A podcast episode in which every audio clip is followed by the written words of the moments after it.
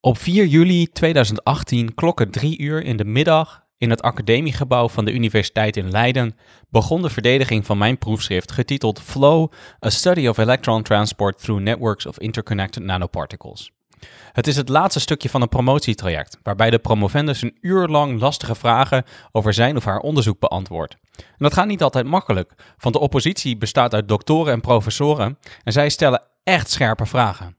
Ik was best zenuwachtig, maar gelukkig was één lid van de oppositiecommissie een oud collega van mij, die de oppositie startte met een erg leuke vraag, waardoor ik helemaal niet meer dacht aan de zenuwen en leuk aan het kletsen was over de wetenschap met mede-enthousiastelingen. Maar waar gingen die vragen over en waar gaat mijn proefschrift eigenlijk over? Vandaag neem ik jullie in vogelvlucht mee door mijn proefschrift over elektrische stroom door netwerken van nanodeeltjes.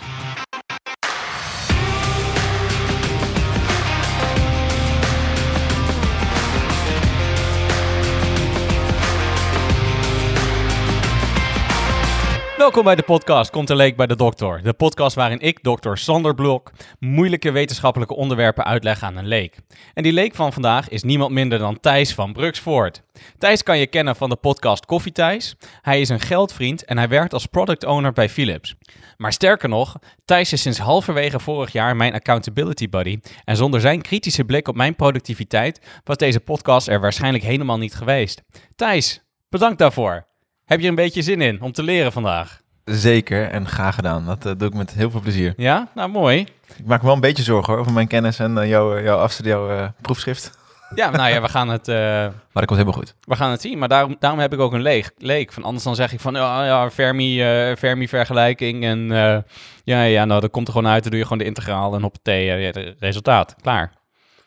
Ja, Ja, als ik dan niemand heb om mij te vragen van, wat is een Fermi-integraal? Dan denk ik van, oh ja, ja, ja, ja. Wil je daar gelijk over beginnen? Of, eh? Fermi-integraal. nou, laten we, dat, laten, we dat, laten we daar langzaam, eh, langzaam heen gaan. Maar ik, ik kan wel even uitleggen. Als, je- als jij dat graag wil, dan leg ik wel eh halverwege even uit wat een Fermi-integraal is. Als je daar komt, dan lijkt me dat heel verstandig. Ik denk dat we niet moeten afwijken van, jou, van het onderwerp. Nou ja, een Fermi-integraal, dat is wel... Nou ja, oké, het heet niet echt een Fermi-integraal. Je hebt een, een Fermi-functie en dat is gewoon een functie die gaat... ehm, die is 1 en dan gaat die op een gegeven moment naar 0. En voor bepaalde parameters is het gewoon een stapfunctie die in één keer van 1 naar 0 gaat. Ehm, en hoe hoger de temperatuur wordt, hoe geleidelijker hij van 1 naar 0 gaat. En op het moment dat de temperatuur oneindig is, dan is hij overal een half. Van dan gaat hij oneindig geleidelijk van 1 naar 0. En dat betekent dat hij overal een half is. Dat is eigenlijk een Fermi-functie. En dan een integraal erover, ja. Ja. dat, Ja. eh, goed. ehm, ja, ik heb een beetje, een beetje voorbereid. Maar ik Mhm. dacht zo van... eh, op een gegeven moment van... Ja, weet je, ik heb ook hetzelfde boekje geschreven. Dus ik, ik kan je ook wel zonder voorbereiding... eh, ja, tot op een zekere hoogte meenemen door mijn boekje. Dus... eh, ja, denk ik denk laat ik dat maar gaan doen. Maar misschien is het wel eerst leuk om aan de luisteraars uit te leggen wat een PhD eigenlijk is. Dat lijkt me heel verstandig, ja. Ja, Ja. oké. Nou, een PhD, dat is eigenlijk eh, als je bent afgestudeerd aan de universiteit, dus je hebt een mastertitel, eh, dan krijg je de titel doctor andus. En dat betekent hij die nog dokter moet worden, of zij die nog dokter moet worden. Mhm. Maar dat betekent eigenlijk dus nog net geen dokter. Dus Mhm. eigenlijk net niet. Ja, Ehm, nou, wat moet je dus met een titel eigenlijk net niet? Nou ja, eigenlijk net wel halen natuurlijk. Dus ehm, je gaat dan van DRS, doctorandus, eh werk je vier jaar lang professioneel op je, op je vlak. Dus je bent dan professioneel onderzoeker om die laatste S eraf te krijgen. En dan word je doctor.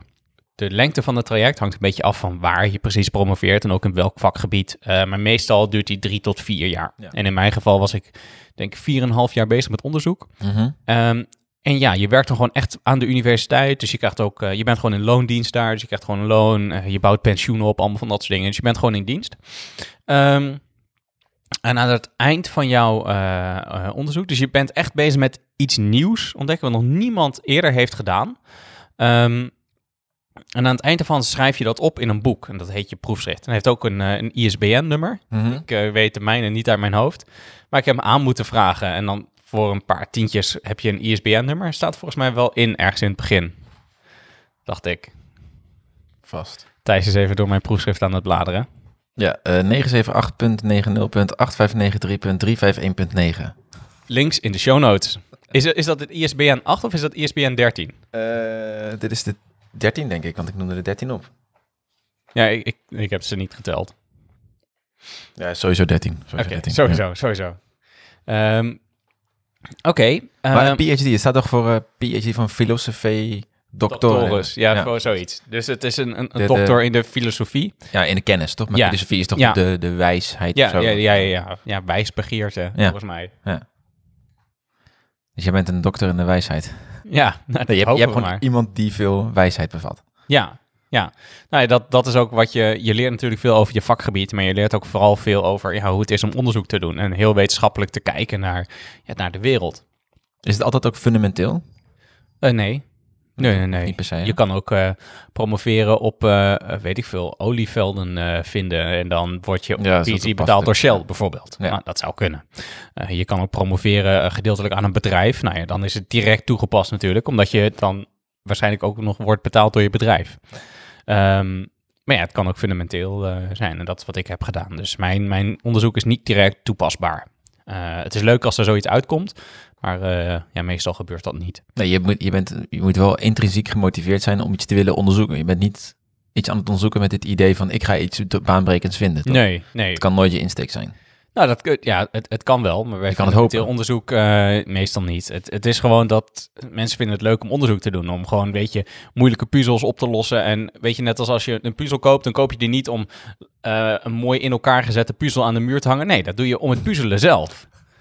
dus ja, het gaat om, het gaat om de reis erheen, zeg maar. Nou ja, goed, en aan het eind van, eh, van die vier, eh, vier jaar, bij mij dus vier en een half, eh, schrijf je dus ja, het proefschrift, het boekje, en die moet je daarna verdedigen. Dus dat betekent, je hebt een oppositiecommissie, waar ik dus net in de intro ook al over vertelde.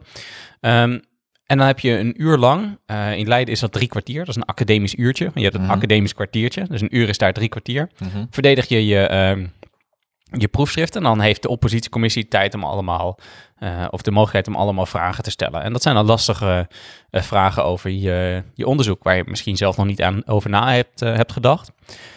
Ehm, in mijn geval was mijn promotie op zich wel, of mijn verdediging op zich wel, wel erg leuk.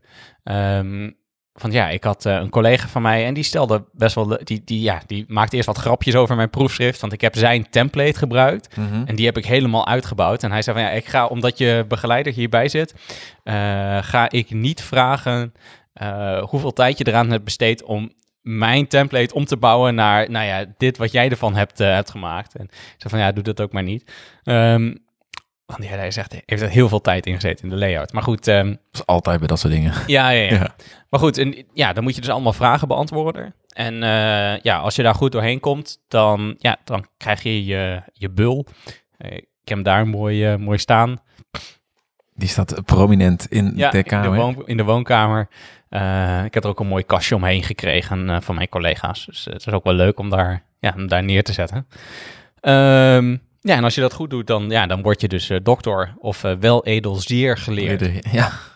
Ja, dat is op zich wel leuk. Ik, ehm, ik heb dat één keer gehad in, eh, weet dat, toen ik nog bij, eh, ik, ja, ik werk dus voor ASML en, en daarvoor heb ik bij TMC gewerkt. Of dus via TMC ben ik gedetacheerd bij ASML. En toen kreeg ik mijn, mijn jaarafrekening en daar stond boven wel edel zeer geleerde heer Blok. En toen, Wauw. toen dacht ik wel ja, dat is wel, daar doe ik het voor. Maar kan het niet ook zeer wel edelgeleerde heer zijn? Dat denk ik niet. Zeer wel woord. edel geleerd. Eh, b- nee, maar het is, ook, het is ook één woord. Wel edel zeer geleerd. Wel edel zeer geleerd. Wauw. Je hebt zelfs ook... Ik belde aan bij dokter Sander Blok. Dat vond ik wel leuk. Ja, ja, ja. ja die heb ik dus ook gekregen voor mijn... eh oh nee, die niet. Die heb ik zelf besteld. Maar eh, ja, ik was er net gepromoveerd. Dus ik dacht van, nou, ga ik doen. Natuurlijk. Super cool. Dus dat is, wel, eh, Ja. dat is wel leuk. Maar dat is, dus, ja, dat is dus een PhD. Dus je bent eigenlijk vier jaar lang ben je echt professioneel onderzoeker. Dus ik ben gewoon professioneel natuurkundige geweest. Dus ik was gewoon do- door natuurkundige te zijn, door moeilijke puzzels op te lossen, verdiende ik mijn geld. Ja. En eh, dan gewoon een beetje in mijn kamer achterover te zitten en eh, naar een bord te staren en wat formules op te schrijven daar. Ehm, Helemaal niet moeilijk. nou ja, het is wel lastig. Zo, Het is gewoon heel vaak dat je gewoon naar een bord zit te staan en denkt van, ik heb geen flauw idee hoe, ik ga op, hoe ik dit ga oplossen. Hoe, je dit, eh, hoe je dit moet doen. En dan moet je een beetje sparren met je collega's. Ook je me- mede-professionele natuurkundigen. Mhm. En Dus je creativiteit wordt wel getoetst op die manier. ja, ja, absoluut. absoluut. Ja. Zullen we het gewoon echt het onderzoek eh, induiken? Ja, ma- mag ik vo- voordat we beginnen? Ja, eh, misschien ook wel eens een mooie afsluiter ook hoor. Maar als jij op een verjaardag staat hè, en mensen vragen aan jou waar, heb je, eh, waar ben je op gepromoveerd? En het even vanuit gaan dat die persoon eh, ehm, niet zo hoog opgeleid is als jij bent, of, of misschien zelfs als ik ben. Ehm, wat zeg je dan? Kun je dan in. Zeg je dan iets van ja, dat maakt niet uit, hier heb je nog een biertje of wat doe je dan? Nou, ik heb laatst, eh, ik, ik probeer het wel, wel uit te leggen, want ik vind het heel erg leuk om erover te vertellen, vandaar deze podcast. Hmm. Ehm, maar, eh, even denken, soms dan vraag ik ook, wil je de lange uitleg of de korte uitleg? En soms dan zeggen ze, ah, doe maar de lange uitleg. Dan zeg ik, van, haha. en dan drie uur later. ja, ja, ja. ja. Eh, na vandaag kan ik gewoon zeggen, luister deze podcast maar, en dan dit weet is je. de uitleg. Ja, ja, ja. Nou, zullen we gewoon dan de uitleg doen en dan mag je op het Ja, zullen we, we gaan doen? Nou, ik heb dus eh, onderzoek gedaan eh, naar elektrontransport door netwerken van eh, verbonden nanodeeltjes. Dus ik denk... Ja, Nee, nee, oh, nee ga, ga maar. nee, zitten al... elektronen... Is het elektron of elektronentransport? Ja, het is net als autotransport. Dan heb je meestal meerdere auto's die je Ja, transporteert. Elektrontransport. Maar je- ik, ik hoor daar al een woord van elektro, elektrontransport. Ja, En ik hoor iets van verbonden nanodeeltjes. ja, en netwerken. En net, ja, ja, netwerken van verbonden Ja. nanodeeltjes. Ik denk van, oké. Oké, Dat wordt leuk. Those are words. Ja. Those are words.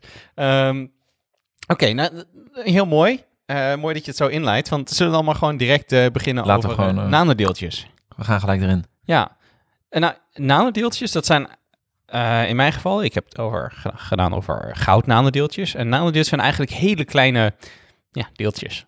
Eh, een, eh, een, een eh, nano, dat gaat dan ja, over de schaal. Je hebt een, een millimeter, is een duizendste meter. Een, een micrometer is een duizendste millimeter. En een nanometer is weer een duizendste micrometer. Dus dat is een miljardste meter. Dus Mhm. best wel pittig klein. Ehm, Zit, loopt die schaal nog verder door? ja, ja, ja, daarna krijg je picometer en femtometer. En daarna krijg je septo, septa, nooit zoiets.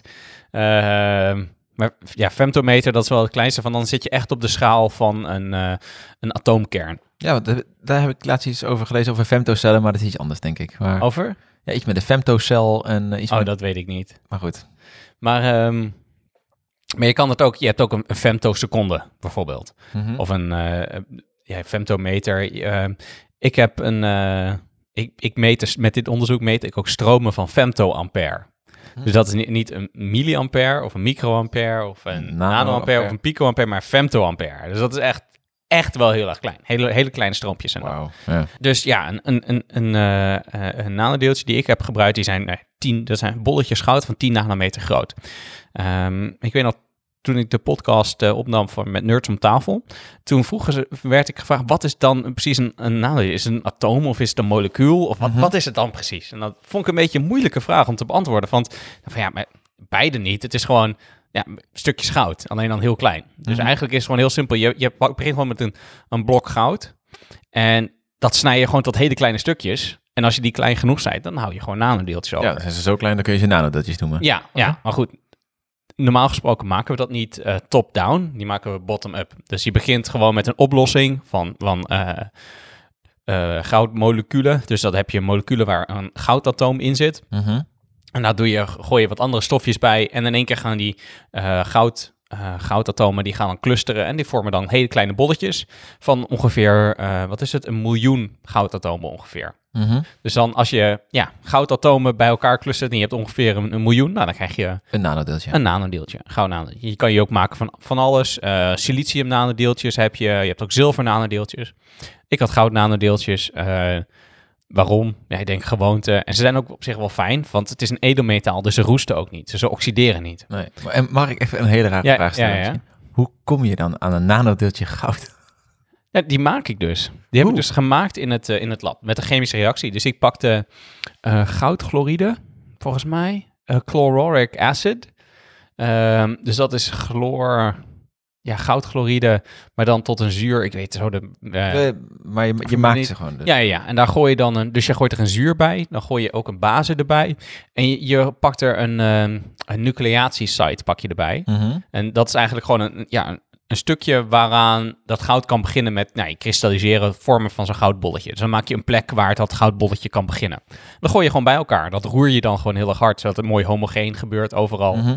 En eh, ja, dan, dan, dan volg je gewoon zijn recept. En eh, aan het eind eh, ja, komt er dus, eh, ja, heb je dus gouden nanodeeltjes in oplossing.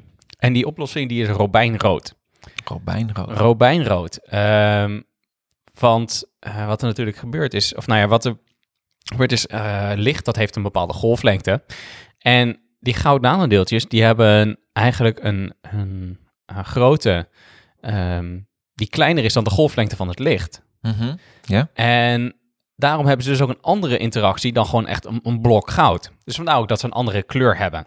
Dus met zijn, ze zijn qua stof, zijn ze hetzelfde, maar ze zien anders uit. Ja, ze hebben een andere kleur. Vet. Dus eh, het ziet er ook echt uit als aardbeienlimonade. Het ziet er super lekker uit. Eh, Mhm. ik heb ze nog nooit gedronken. En eh, kun je, als je, kun je, als je, dat, als je dit proces herhaalt of groter maakt, krijg je dan uiteindelijk gewoon een goudstaaf? Kun je dat maken? Nou, je- nou dat, is, dat is moeilijk.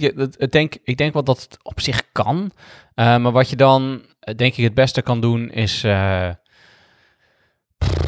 ik denk wat je dan doet is... Ik denk als je die, die oplossing van goud, als je dat een paar keer reinigt... Dus wat je dan doet is je centrifugeert het. Dan alle nanodeeltjes komen op de bodem te liggen. Dan pipeteer je het water ervan af. Dus de oplosmiddel wat erin zit. Dan gooi je er weer schoon water bij. Dat doe je dan twee keer of zo. Dus dan heb je mooi die oplosmiddel heb je gereinigd. Mhm. En dan zet je het gewoon op een, een kookplaatje, denk ik. En dan verdampt al het water. En op een gegeven moment smelt, smelten die goud nanodeeltjes. En ja, die smelten dan aan elkaar. En dan blijft er een stuk goud achter. En dan dat je dat wel kan doen. Vet. Ik was in de veronderstelling dat je goud alleen maar kon delven. Dat het gewoon een soort eh, Ja, ja. een delfstof was die... eh, Nee, dat, dat is ook zo. Je moet wel ergens dat goud vandaan hebben. En Dus ik, begin komt- op, dit- ik begon er met goudchloride. dat, dat komt dus uiteindelijk ook weer van datgene wat er al, altijd al was. Ja, het is gedolven. Nou ja, het, het was er niet altijd. Ehm, eh, goud, dat komt uit supernova's. Uit ontploffende sterren. Dus ja, en daarmee door ontplo- eh, sterren die gaan dood voor ons, zodat wij goud kunnen vinden op aarde. Ja, dat klomt het dan weer samen. Ehm, ja, en eh, ja, dan heb je dus gouden nanodeeltjes. Ehm, dus het, het zijn eigenlijk clusters van goudatomen. Eh, en die zijn aan elkaar gebonden. En dan is het een beetje moeilijk om te kijken, zal ik dat dan een molecuul noemen of niet? Want eh, als je atomen aan elkaar bindt, dan kan je het ook een molecuul noemen. In dit geval zou ik zeggen, nee, dat zijn dus gewoon een heel klein kristalletje. Van Dus goud. jij hebt gezegd dat zijn dan eh, interconnected nanoparticles. Ja, nou, nu zijn dat alleen nog nanodeeltjes in een oplossing. Mhm. Wat ik dan doe, is ik maak er een netwerk van. Mhm. Dus wat ik dan doe, is ik, eh, ik eh, ehm, ik doe door een chemisch proces, eh, geef ik die nanodeeltjes haartjes. Haartjes van alkaanketens. Dus dat zijn eh, organische moleculen. Ehm, ik gebruik de octaantiol. En Mhm. octaan, dat zit volgens mij ook in brandstof. Dus dat is eigenlijk gewoon, volgens mij is octaan, is als je gewoon pure octaan hebt, of een hele, hele pure benzine, dan is dat volgens mij ook gewoon octaan. Ja. Nou, daar zet ik Daar dan... staat het getal toch voor 95, 98. Oh, dat zou wel kunnen. Het Het octaan- octaangehalte. gehalte, Oké, ja. nou. Ehm, ik had dus eh, ook niet gewoon eh, octaan. Eh, ik had octaantiol. Dus dat een thiol is een soort alcohol. Mhm. Maar in plaats van een, een zuurstof zit er een zwavel in. En het Oh. mooie aan het zwavel is, dat zwavel dat bindt aan goud. Dus het betekent al die, ja, die, die, die haartjes, hè, die, die, die octanen, die gaan dus aan mijn nanodeeltjes zitten. En dan heb je dus harige nanodeeltjes. En het mooie daarvan is, is die alkanen, die stoten water af. Mhm. Dus het betekent dat in één keer krijg je van eh, eh, waterminnende nanodeeltjes, krijg je, eh, ja, wat is het? Waterschuwende nanodeeltjes. Dus in één keer stuurt- Harige waterschuwende. ja, ja, ja, het zijn harige, harige nanodeeltjes had ik dus. Nou, wat ik dan deed, is ik had een bakje met teflon. Of die, die wacht even, even een stapje terug. Die nanodeeltjes, die loste ik op in chloroform. Ja. Ehm, en wat ik dan deed, is ik pakte een bakje, eh, van, eh, een bakje van teflon. Met eh, een bakje van ongeveer 1 centimeter diameter. Dat is een heel klein Mhm. bakje. Ja. Daar pipeteerde ik een paar druppels water in. En dan krijg je dus een, een klein beetje water in dat bakje. Met een bolle meniscus. Mhm. En wat ik dan deed, is ik ehm, eh, pakte een pipet en ik pipeteerde een heel klein beetje van die nanodeeltjesoplossing in chloroform, pipeteerde ik op dat, eh, op dat eh, eh, druppeltje water in dat bekertje. Nou, wat er dan gebeurt, is dat chloroform, dat verdampt. Maar de nanodeeltjes zitten in die oplossing. En die oplossing die gaat dan verzadigen. Dat betekent dat die nanodeeltjes die willen uit de oplossing. Maar ze zijn eh, hydrofoob, dus ze stoten water af. Dus ze willen niet het water in en ze willen ook niet de lucht in. Maar ze moeten ergens... Maar ze moeten ergens heen. En ze, wat ze dan doen, is ze clusteren gewoon samen. En dan op het wateroppervlak krijg je dan een laag van allemaal nanodeeltjes die, die heel dicht bij elkaar geperst zitten. En die liggen dan uiteindelijk geordend. Die krijgt dus een, een soort van monolaag van uh, goud nanodeeltjes. Die een beetje geordend liggen, net als dat sinaasappels op de markt liggen uh, geordend. Ja. Zo'n hexagonale structuur. Ja. Het is eigenlijk een trigonale structuur, maar dat doet er niet zo heel veel toe. Hij heeft te maken met de primaire eh, eh, symmetrie. Die is niet hexagonaal. Hij is iets simpeler, vandaar trigonaal. Maar goed. Ehm, en zo krijg je dus een, een, ja, een, een, een netwerk nog niet. Het is meer een array dan. Dus je krijgt, hè, net als dat, die het. sinaasappels zijn nog niet helemaal... Die sinaasappels op de markt zijn nog niet onderling verbonden. Maar die moet, ik- die moet ik daarna nog verbinden. Nou, wat ik dan doe, is ik pakte een, eh, een, eh, een, ja, een soort stempel. En die stempel drukte ik op dat water. Haalde ik hem eruit. Nou, wat er dan gebeurde is, eh, die nanodeeltjes die bleven dan zitten op die stempel. En dan drukte ik ze, nou, waar ik ze wilde hebben. Meestal was dat een silicium chip. Daar drukte ik het op, haalde ik de stempel ervan af. En dan had ik dus zo'n array van nanodeeltjes op dat silicium. Mm, Oké. Ja, ik snap Dus het. nu heb ik dus die geordende nanodeeltjes, die geordende behaarde nanodeeltjes, heb ik dus in een soort ja, mooie structuur op mijn silicium. En wat ik dan deed, is ik eh, deze in een, eh, een oplossing met eh, een, ander, een ander stofje, een soort moleculaire brug. Mhm. En die brug die heeft twee eh thiolgroepen, dus twee zwavelgroepen. Dus die wil aan de ene kant en aan de andere kant binden aan je nanodeeltje. Wat er dan gebeurt is die binden dus met, eh, aan de ene kant met één nanodeeltje en aan de andere kant met de ander. En daardoor krijg je een soort bruggetjes tussen de nanodeeltjes. En dat is de manier waarop jij ze verbonden hebt. Ja, en dat gebeurt ook allemaal automatisch. Hè? Dus dat doe ik niet per nanodeeltje, dat doe ik niet, bottom, of, eh, dat doe ik niet top-down. Doe ik echt bottom-up. Dit gebeurt allemaal uit zichzelf. Ik doe ze gewoon in zo'n oplosmiddel en dan arrange het zichzelf. het is niet dat je elk nanodeeltje... Hier, brug, ga maar bruggen. Nee, nee, nee, nee. Dus, eh, en zo krijg je dus echt een netwerk. Hè? Daar is elk nanodeeltje is onderling verbonden.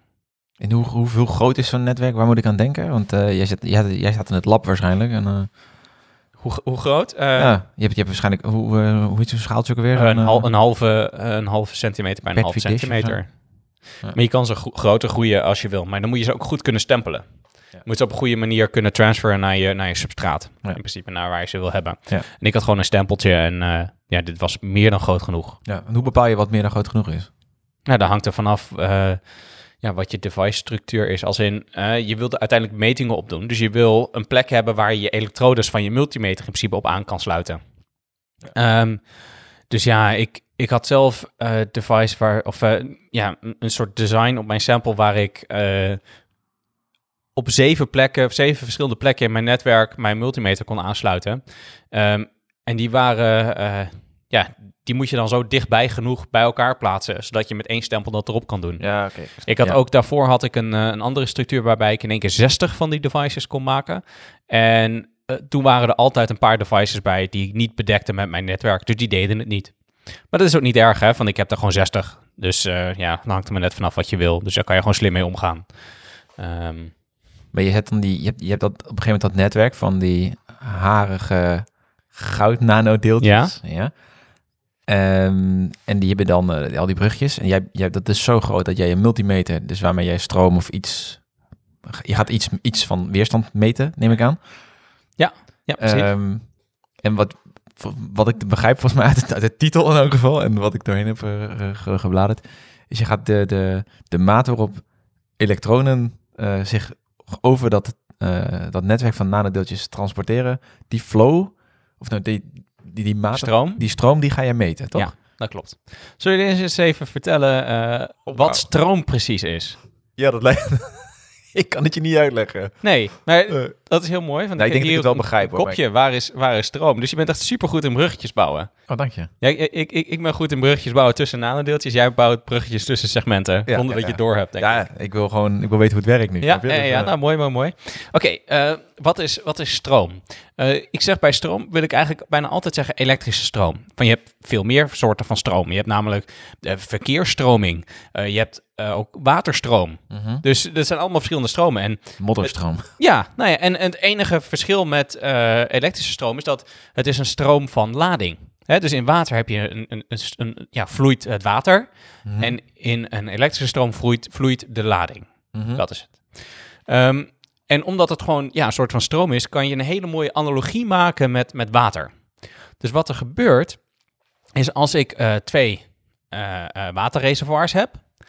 En de een til ik iets hoger op dan de ander. Ja. Dan is de druk bij degene die ik iets hoger heb opgetild, aan de onderkant van, de, van het waterreservoir, is die druk iets groter dan in de ander. Ja. Dus als ik daar een leiding tussen leg, en dan heb ik een kraantje tussen, dus dat kraantje dat geeft dan een soort weerstand. Mhm. Waar, eh, je ziet misschien al waar ik heen ga, een Mhm. weerstand voor mijn water. En als ik die dan open draai, dan maak ik de weerstand minder en minder. En dan gaat er steeds meer en meer water stromen. Ja. En als ik dan de druk ophoog, aan de ene kant, nou, dan gaat de, eh, wordt de waterstroom ook hoger. En ook als ik de kraan verder opendraai, dan maak ik de weerstand, eh, eh, weerstand kleiner en dan stroomt er ook meer water. Ja. Oké. Maar over lading, hè? je hebt net over... Wat is dan lading? Ja. Dat nog verder specificeren? Eh, Kom je daar nog op? Het is eigenlijk gewoon een elektrische lading. En, en ehm, Ja, gewoon elektrische nou ja, kijk, eh, het is hetzelfde als dat wij hebben een, een massa. Dus als je iets, iets oppakt, dan heeft het een bepaalde, eh, ja, ja, bepaalde massa. Het voelt een soort aantrekking tot de aarde, hè, de zwaartekrachtsmassa. Dus dat is, eh, ja, het heeft een bepaalde kracht naar beneden, een bepaald gewicht. Ehm, je hebt het gewicht, dat is een, een basisprincipe. Mhm. Lading is ook een basisprincipe. Oké. Dus lading is, is een soort van gewicht, maar dan niet een massa-gewicht, maar dan een soort elektrisch gewicht. Ja. Om het zo maar te zien. Ja. En je hebt een pluslading en een, een, en een minlading. Ehm, nou, een, een spanning, eh, elektrische spanning, kan je vergelijken met ehm, de waterdruk. Dus hoe hoger de spanning is, eh, hoe hoger eigenlijk soort de druk is op de lading. En ehm, in een elektriciteitsdraad, bijvoorbeeld in een koperdraad, eh, zitten de koperatomen zitten vast. En de koperatomen, ehm, dat ja, bestaat uit een paar, eh, hoe heet dat, uit de, de elektronen natuurlijk. Ehm, maar ik bedoel nu vooral op de protonen en de neutronen in de kern. Die zitten gewoon vast in een rooster, in een atoomrooster. En die zitten ook vast in een kristal. Maar de elektronen die kunnen een beetje vrij bewegen door je, door je koperdraad. En die elektronen die hebben ook een lading. Mhm. Dus dat betekent dat eh, de elektronen die kunnen een beetje vrij stromen. Ja. Dus dat betekent dat als ik aan de ene kant van een elektrode, bijvoorbeeld ik heb een stopcontact. Nou, sto- stopcontact dat is wisselspanning.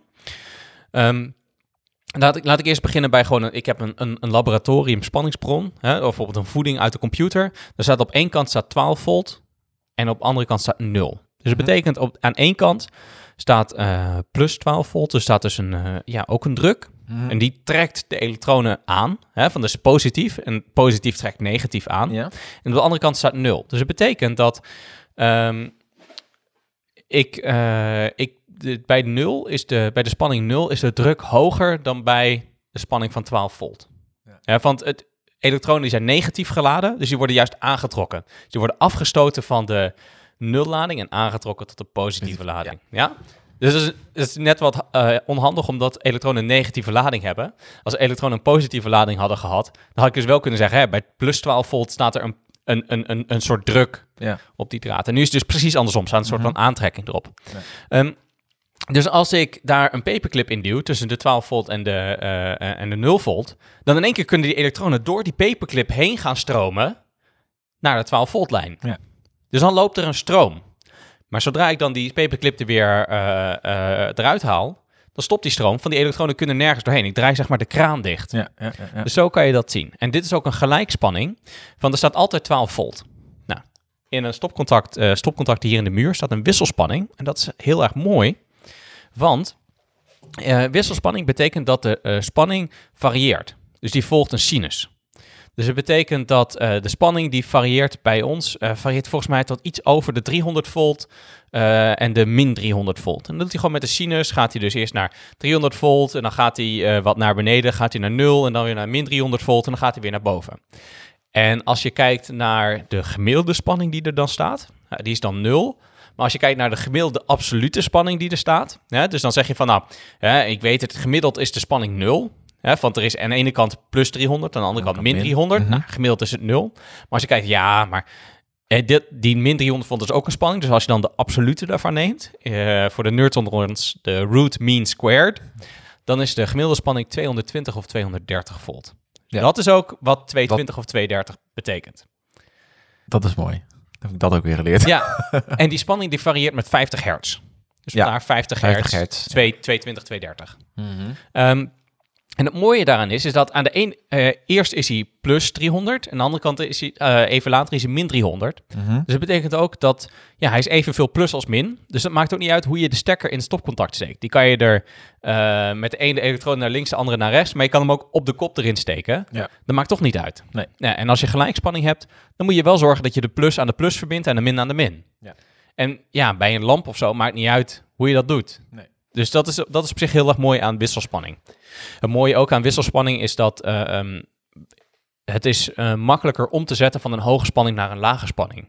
Dus dat betekent dat het bij een hoge spanning is het makkelijker te transporteren. Dan heb je minder verliezen in, eh, Ja. in de leiding. Ja, ja, ja.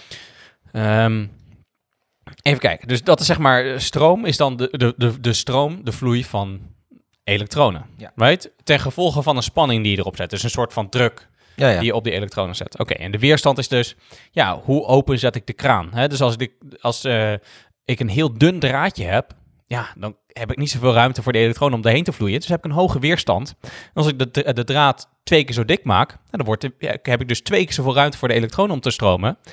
En wordt de weerstand dus ook twee keer zo laag. ja, ja. Oké, en dan wordt Ik dus ook de stroom bij een bepaalde spanning twee keer zo hoog. Ja, nee. Duidelijk. Prima. Ja. Oké, Ja, dus ja. dat is ook de wet van Ohm. V is I maal R. V is I maal R. Ja, dus de spanning eh, geeft de stroom maal de weerstand. Oké. Dus als je eh, een bepaalde stroom hebt, dus je zegt gewoon van oké, eh, ik zorg gewoon dat ik eh, eh, een stroom heb van 2 ampère. Mhm. Eh, ampère dat is zoveel coulomb per seconde en coulomb is een eenheid van lading. Mhm. Dus er stroomt zoveel ampère eh, eh, stroomt er door mijn draad. ja? Bij een bepaalde weerstand eh, zegt de wet van V is I maal R, zegt hoeveel spanning heb ik nodig om die stroom door die draad heen te duwen. Als ik de weerstand twee keer zo hoog maak, ja, dan heb ik ook twee keer zo hoge spanning nodig om die Om- stroom erheen ja. te duwen. En op het moment dat eh, ik de stroom twee keer zo hoog wil hebben, heb ik ook een twee keer zo hoge spanning nodig. Ja, dat is helder. Ja, Ja. oké. Nou, Ja, nee, dat, eh, dat snap dat ik. is ook de wet van, eh, de wet van Ohm. Ja. A-O-H-M. Ja, dat is met, met luidsprekers en versterkers moet je er ook op letten. Ja, Anders, eh, En dat is gewoon, als je een, een speaker hebt van 50 ohm bijvoorbeeld, of is van 16 ohm of van 8 ohm, nou, dan heeft de ene dus een twee keer zo lage weerstand Ja. dan de ander. Ja. Oké. Hm.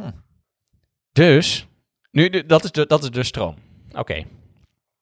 Maar hoe gaan we dan van stroom naar elektrontransport? Ja, geen flauw idee. Dat ga jij vertellen, hoop ik. nou ja, tot op een zekere eh, eh, hoogte is dat al duidelijk, toch? Want eh, elektrische stroom, dat is stroom van. Een lading? En, en, en lading in dit geval is. Waar, bestaat waar bestaat dat uit? Uit? Positief negatief. Ja, ja, maar welke deeltjes zijn dat? Van een lading? De, de stroom. Wel, welke, wat voor deeltjes stromen er door je draad? Elektronen, toch? Ja, Ja. elektronen, nice. Dus dat betekent, het is elektrontransport. Dus Ja. een stroom is een elektrontransport. Oh, ik denk voor de een mongol. Nee, nee, nee. Dit is, eh, Dat ik, probeer, ik probeer eigenlijk geen strikvragen te stellen. Nee, oké, dat is mooi. Ehm, en eh, op het moment dat je het hebt over een netwerk van nanodeeltjes, ja, dan ga je eigenlijk niet kijken naar de, de, de, de, stroom van bovenaf. Nee, dan ga je gewoon kijken naar hoe gaan de elektronen echt door mijn netwerk heen. Mhm. En vanaf daar ga je een beetje, eh, dat ga je allemaal bij elkaar optellen tot een totale stroom. Dus vandaar dat, je, dat we het dat meer hebben over elektrontransport. Hoewel, eh, hoe je, als je tv aanzet, hè, dan verander je ook de weerstand van je tv. Dan gaat er een stroom door je tv heen lopen. Nou, dan kan je het ook wel hebben over elektrontransport. Maar meestal is dat iets te nou, specifiek of zo. Mhm. Dat doet er meestal niet zo heel veel toe. Oké. Ehm, maar een elektron is gekwantiseerd. Hè? De of lading is gekwantiseerd in elektronen. Dus dat betekent dat de, de eenheid van lading, dat is ja, één elektronlading. Mhm. Dus dat is, het is een kwantum van lading. Een kwantum van lading. Ja, een kwantum van lading is de elektronlading. Dat is het kleinste van je hebben. Net zoals dat de, ehm, het, kwantum van eh, de Millennium Falcon van Lego die ik aan het bouwen ben, dat is één Lego-blokje. Ja. Van kleiner dan een Lego-blokje, dat, dat kan niet. Dan heb je geen Lego-blokje meer. Dus het kleinste waar je mee kan, mee kan werken met Lego is één Lego-blokje. Nou, dus een Lego-blokje is dan het kwantum van Lego. En in dit geval is het kleiner dan eh, de lading, kleiner dan één elektronlading. Ehm dat kan niet, er moet nog een side note bij. Ja, quarks die hebben een eh, eh, fractionele lading. Dus wat Mhm. is het? Twee derde elektronlading en één derde elektronlading. Maar laten we het daar nu even niet over hebben. Dat is wel zo, wel zo makkelijk. Ehm, dus kleiner dan een elektronlading, dat kan eigenlijk niet. Dus dat is het kwantum van lading. Dus dat betekent dat we een soort kwantumtheorie nodig hebben. Mhm. Of nee, elektronen zijn nog best wel klein. Dus we hebben een kwantumtheorie nodig van lading. En van elektrontransport. Ja. Ben je het daarmee eens dat, dat we dat nodig hebben? Vast. Maar vind, vind je het logisch? Sorry, dat ik dat... Nou, elektronen zijn klein, dus dan je kwantumfysica. En lijkt- ze zijn de primaire eh, dragers van lading. Dus hebben we een kwantumtheorie nodig van... Het lijkt me wel de meest toepasbare Ja. om het eh, hier op los te laten. Oké, mooi. Weet je nog dat ik zei dat ik het zou gaan hebben over de... De, De Fermi-integraal. Fermi, Fer- Fermi-functie? Oh. Ik ga... Ja, ja, ik zei Fermi-integraal, maar dat is eigenlijk mijn... eh, de, Fermi-integraal is een integraal over de Fermi-functie. Ja, dus eigenlijk dus het het gaat de meer hebben over de Fermi-functie. Ja. En ik ga het nu vooral hebben over de Fermi-zee van elektronen. Fermi-zee. Fermi-zee. Is het een zee van een zee aan? Of Wat? is het een zee van een zee vol? Wel, een, een zee van oceaan? Of een zee van Fermi? Nou, het, het is een zee, een zee van elektronen. Oké. De Fermi-zee van elektronen. Dat is bedacht door Enrico Fermi. Oh ja, Fermi. Fermi. Ehm, ik, ik denk dat die Italiaans was, want Enrico Fermi, dat klinkt wel... Dat is ook een sterke naam. Ja, ja, ja, ja. Maar het is, eh, het is ook misschien als ik het zo uitspraak, uh, uitspreek, als ik zou zeggen Enrico Fermi. En dan is het, oh, dat zal wel Ja. een Amerikaan zijn met zo'n uitspraak. Het kan ook een Roemeen zijn. En- een Roemeen. Ja, dat zou kunnen. Oké. ehm, en dat wil eigenlijk, eh, de Fermi-zee van elektronen wil eigenlijk zeggen dat stel nou je begint met ehm, een rooster van positieve eh, goudionen. Mhm. Dus je hebt eigenlijk gewoon een rooster van, van goud, alleen dan heb je de elektronen er nog niet aan toegevoegd. Mhm. Nou, wat er dan gebeurt is dat, hè, stel we beginnen met één nanodeeltje. En dat nanodeeltje, daar halen we alle elektronen even vanaf. Dus we beginnen met een rooster van atoomkernen. Mhm. Ja? Dat is positief geladen. Dus dat betekent dat dat is eigenlijk een put om elektronen in te gooien. Ja. Nou, stel dat we dat doen. Hè, we gooien er gewoon elektronen in totdat de lading neutraal is. Dus wat we dan aan het doen zijn, we zijn die put aan het opvullen met elektronen. En die Mhm. put die wordt steeds minder diep totdat ik op een gegeven moment, eh eh, totdat op een gegeven moment eh, het nanodeeltje neutraal is. Hè, van dan heb ik evenveel elektronen erin gegooid als dat ik put heb. Dus dan heb ik dat, dat putje eigenlijk een soort van tot de rand aangevuld. Oké. Ehm, dus wat er dan gebeurt, is dat je- die elektronen, dat, die zijn kwantumobjecten, dus die delokaliseren, die zijn gedelokaliseerd over je hele materiaal. Ja. Dus net zoals dat ik een, als je een, een, een badkuip eh, vult, hè, dat is een beetje hetzelfde. We beginnen dus met een lege badkuip. En daar gooi je dan langzaam gooi je de water in. Dat gaat overal. En dat overal. Maar sterker nog is dat in het geval van water heb je een watermolecuul dat is echt op één plek in je water, Mhm. eh, in, in je badkuip. Elektronen, die zijn overal tegelijkertijd. Dus elk elektron is verspreid over het hele nanodeeltje tegelijkertijd. Oké. Net zoals dat eh, als ik een gitaarsnaar, als ik een gitaarsnaar ehm, eh, aansla, dan is die trilling in de gitaarsnaar ook over de hele snaar tegelijk. Ja. Dat is niet op één plek. Nou, op dezelfde moment eh, deeltjes en golfjes, dus die elektronen die zijn ook verspreid over dat hele bad. Maar je zegt een watermolecuul is dat niet. Nee, een watermolecuul is niet verspreid over je hele badkuip. Dat is gewoon een watermolecuul dus op één plek. Omdat je er één druppeltje uit kan halen, maar je kan niet één trilling van de snaar eruit halen. ja, Eh. kijk, het is ook wel, je kan er één elektron kan je er wel uithalen. Mhm. Ehm, maar het is dan wel zo dat die elektronen, die zijn dan wel... Eh, oh, dan moet ik het even... Dat is wel een, een goede vraag. Dat je zegt, hoe leg ik dat het beste uit? Ja, je kan er gewoon elektronen uithalen. Maar elke elektron zelf, die was voordat je hem eruit haalde, verspreid over... Stel, ik had er één elektron uit. Dat elektron, voordat ik hem eruit haalde, was hij verspreid over mijn hele goud Ja. Over mijn hele goud. Ja, dus het maakt niet uit eigenlijk. Ma- wat maakt niet uit.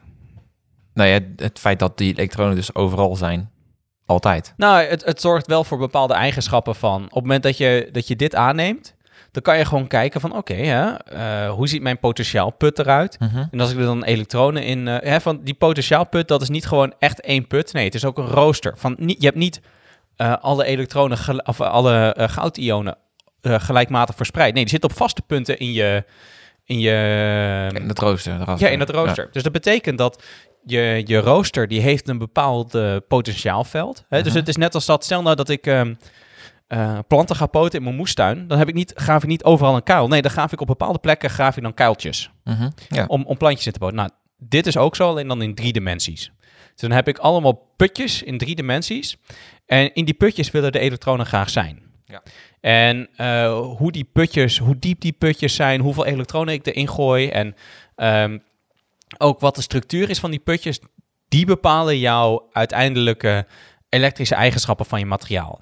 Ja. Als ik ehm, mijn roosterstructuur een beetje verander, dus ik eh, ga van een mooi hexagonaal rooster of eh, hexagonal closed pact ga ik naar eh, een of andere kubische structuur, dan verandert mijn elektrische, veranderen mijn elektrische eigenschappen van de elektronen gaan zich anders gedragen. Ja.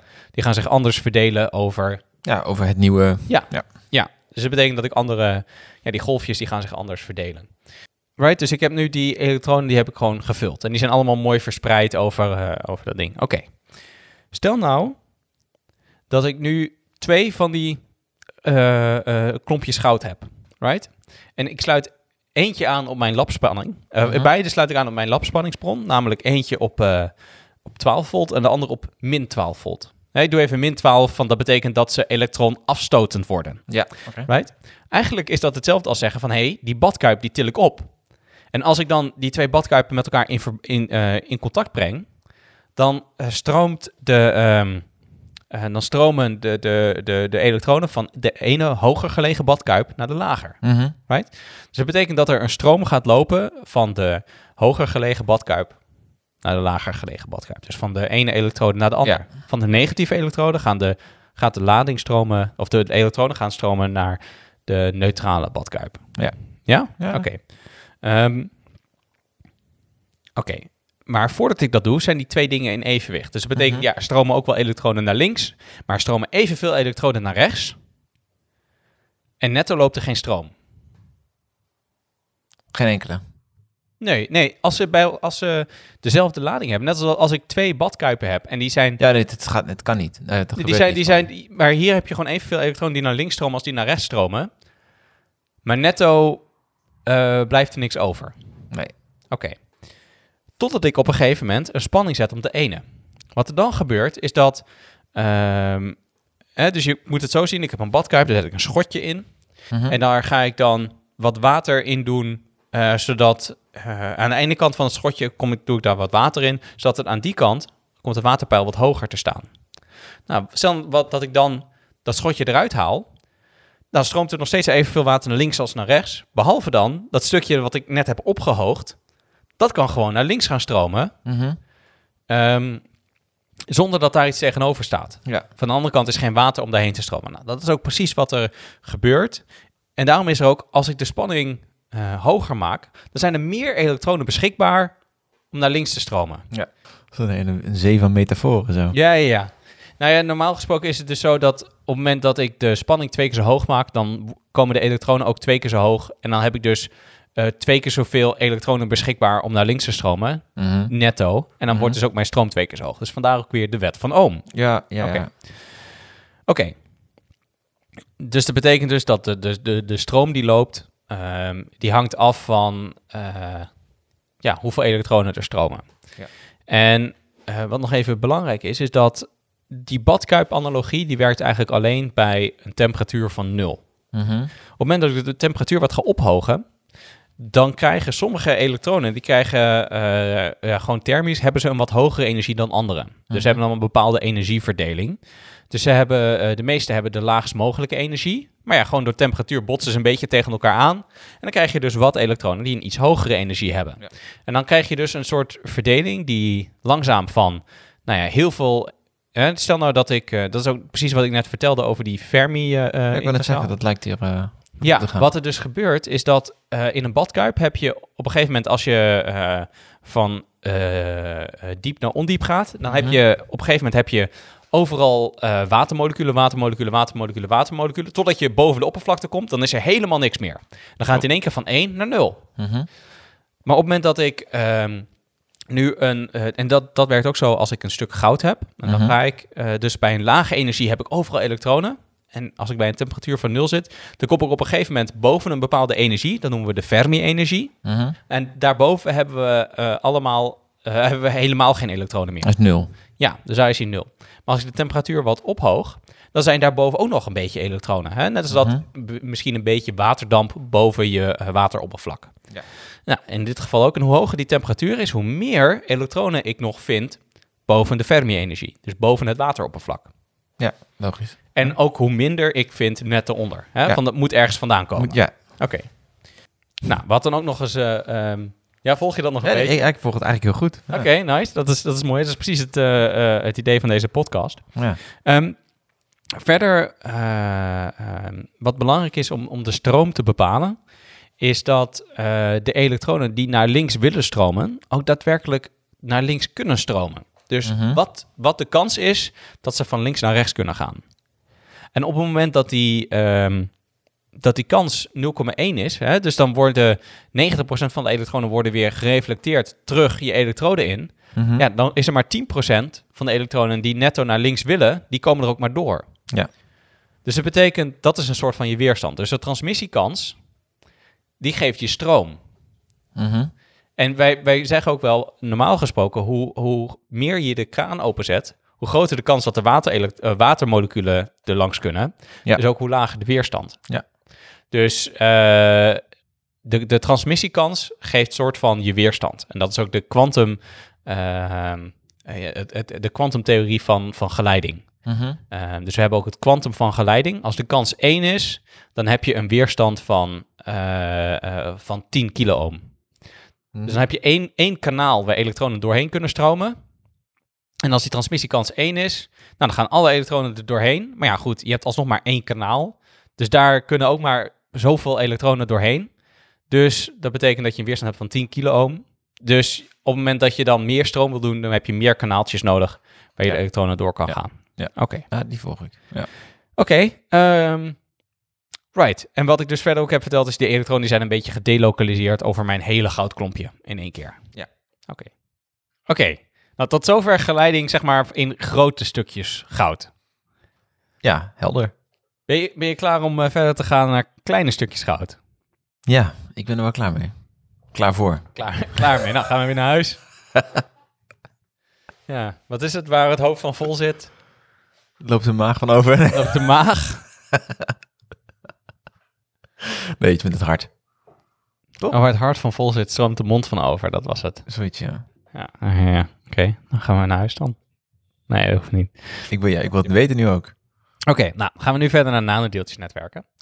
Ehm, en ik zei net dat elektronen, die zijn dus verspreid over je, je hele metaal. Mhm. Maar op het moment dat je dus goudbolletjes hebt, dan is het dus onderbroken, dus in dat netwerk. Dus dat betekent dat die elektronen zijn gelokaliseerd echt op een goudbolletje. Ja.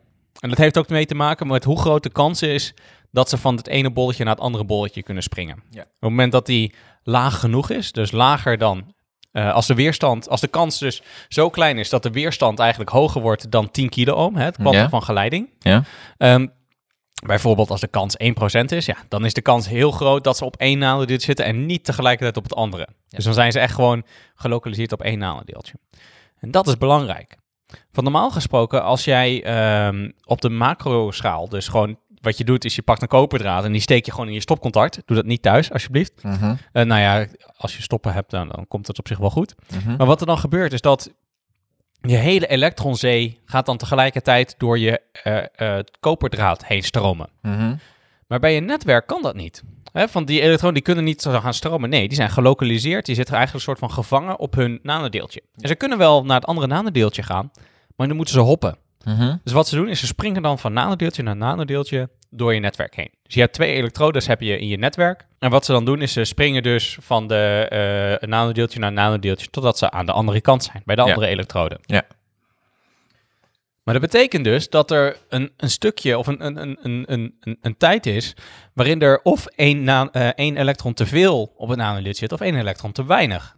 Dus dat betekent dus dat op het moment dat één elektron begint met eh, eh, hoppen door je nanodeeltje, door je nanodeeltjesnetwerk, ja, dan springt hij van nanodeeltje naar nanodeeltje. En elke keer is dat nanodeeltje geladen. Maar je hebt één extra elektron erop. En een elektron heeft lading. Dus dat betekent dat je één elektron moet samenpersen op dat nanodeeltje. Ja. Nou, en dat kost energie. Ja. Dus je moet een elektron samenpersen. Nou, voor, de, voor de nerds onder ons, het is niet echt samenpersen. Het is meer dat je hebt gewoon een, een, een, een netto opladingsenergie. dus je hebt een, een, een nanodeeltje, is een bolletje. Nou, een bolletje gedraagt zich als een condensator. En je hebt energie nodig om een condensator op te laden. Ehm, en dat betekent dus dat het energie kost om een elektron op een bolletje te zetten. Ja. Om dat op te laden. Dus dat noemen we de kolom opladingsenergie.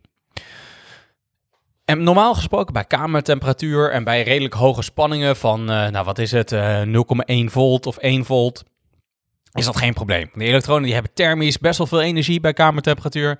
En ook elektrostatisch, hè, je zet er 1 volt op, dus ze hebben best wel wat energie. Ja. Ehm, dus dat betekent dat is normaal gesproken geen probleem bij kamertemperatuur. Dus dat betekent ook dat ehm, op het moment dat jij eh, bij kamertemperatuur stroom door je netwerk stuurt, dan gebeurt dat gewoon ohmisch. En dat wil zeggen, als ik de spanning twee keer zo hoog maak, wordt de stroom twee keer zo hoog. Als ik mijn eh, eh, netwerk twee keer zo groot maak, wordt de stroom ook twee keer zo groot. Nou, dat gebeurt ook bij lage temperaturen trouwens. Ehm, maar op dat moment is het gewoon, ik krijg gewoon een lineair verband tussen de stroom en de spanning. Ja. Dat is ohmisch. Ja. V is I mal R. Als ik eh, V twee keer zo hoog maak, dan wordt ook I twee keer zo groot. ja. Als, als, als mijn netwerk niet verandert, verandert R niet. De weerstand van het netwerk verandert niet. Ik zet altijd de kraan even ver open, van nou ja, het is gewoon mijn netwerk die ertussen zit. Ehm, dus dat betekent er zit een lineair verband tussen. Ja. Maar op het moment dat ik... ehm, hè, dus dat betekent eigenlijk dat als ik de spanning twee keer zo hoog maak, dan zijn er twee keer zoveel elektronen die, die door mijn netwerk heen gaan hoppen. Ja. Oké. Ehm, maar op het moment dat ik naar een lage temperatuur ga en ik ga naar een lage spanning, dus dan moet je denken aan een paar millivolt tot 10 Mhm. millivolt, dan is dat anders. Hè, want ik heb energie nodig om een elektron dus samen te persen op zo'n nanodeeltje.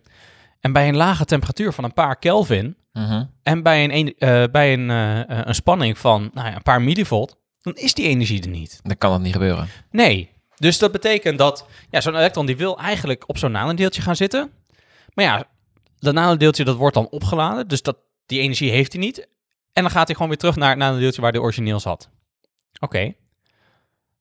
Dus het betekent dat bij lage stroom, of bij lage eh, spanning en bij lage temperatuur, zou je geen stroom moeten zien door zo'n netwerk. En we zien dat wel. Dus.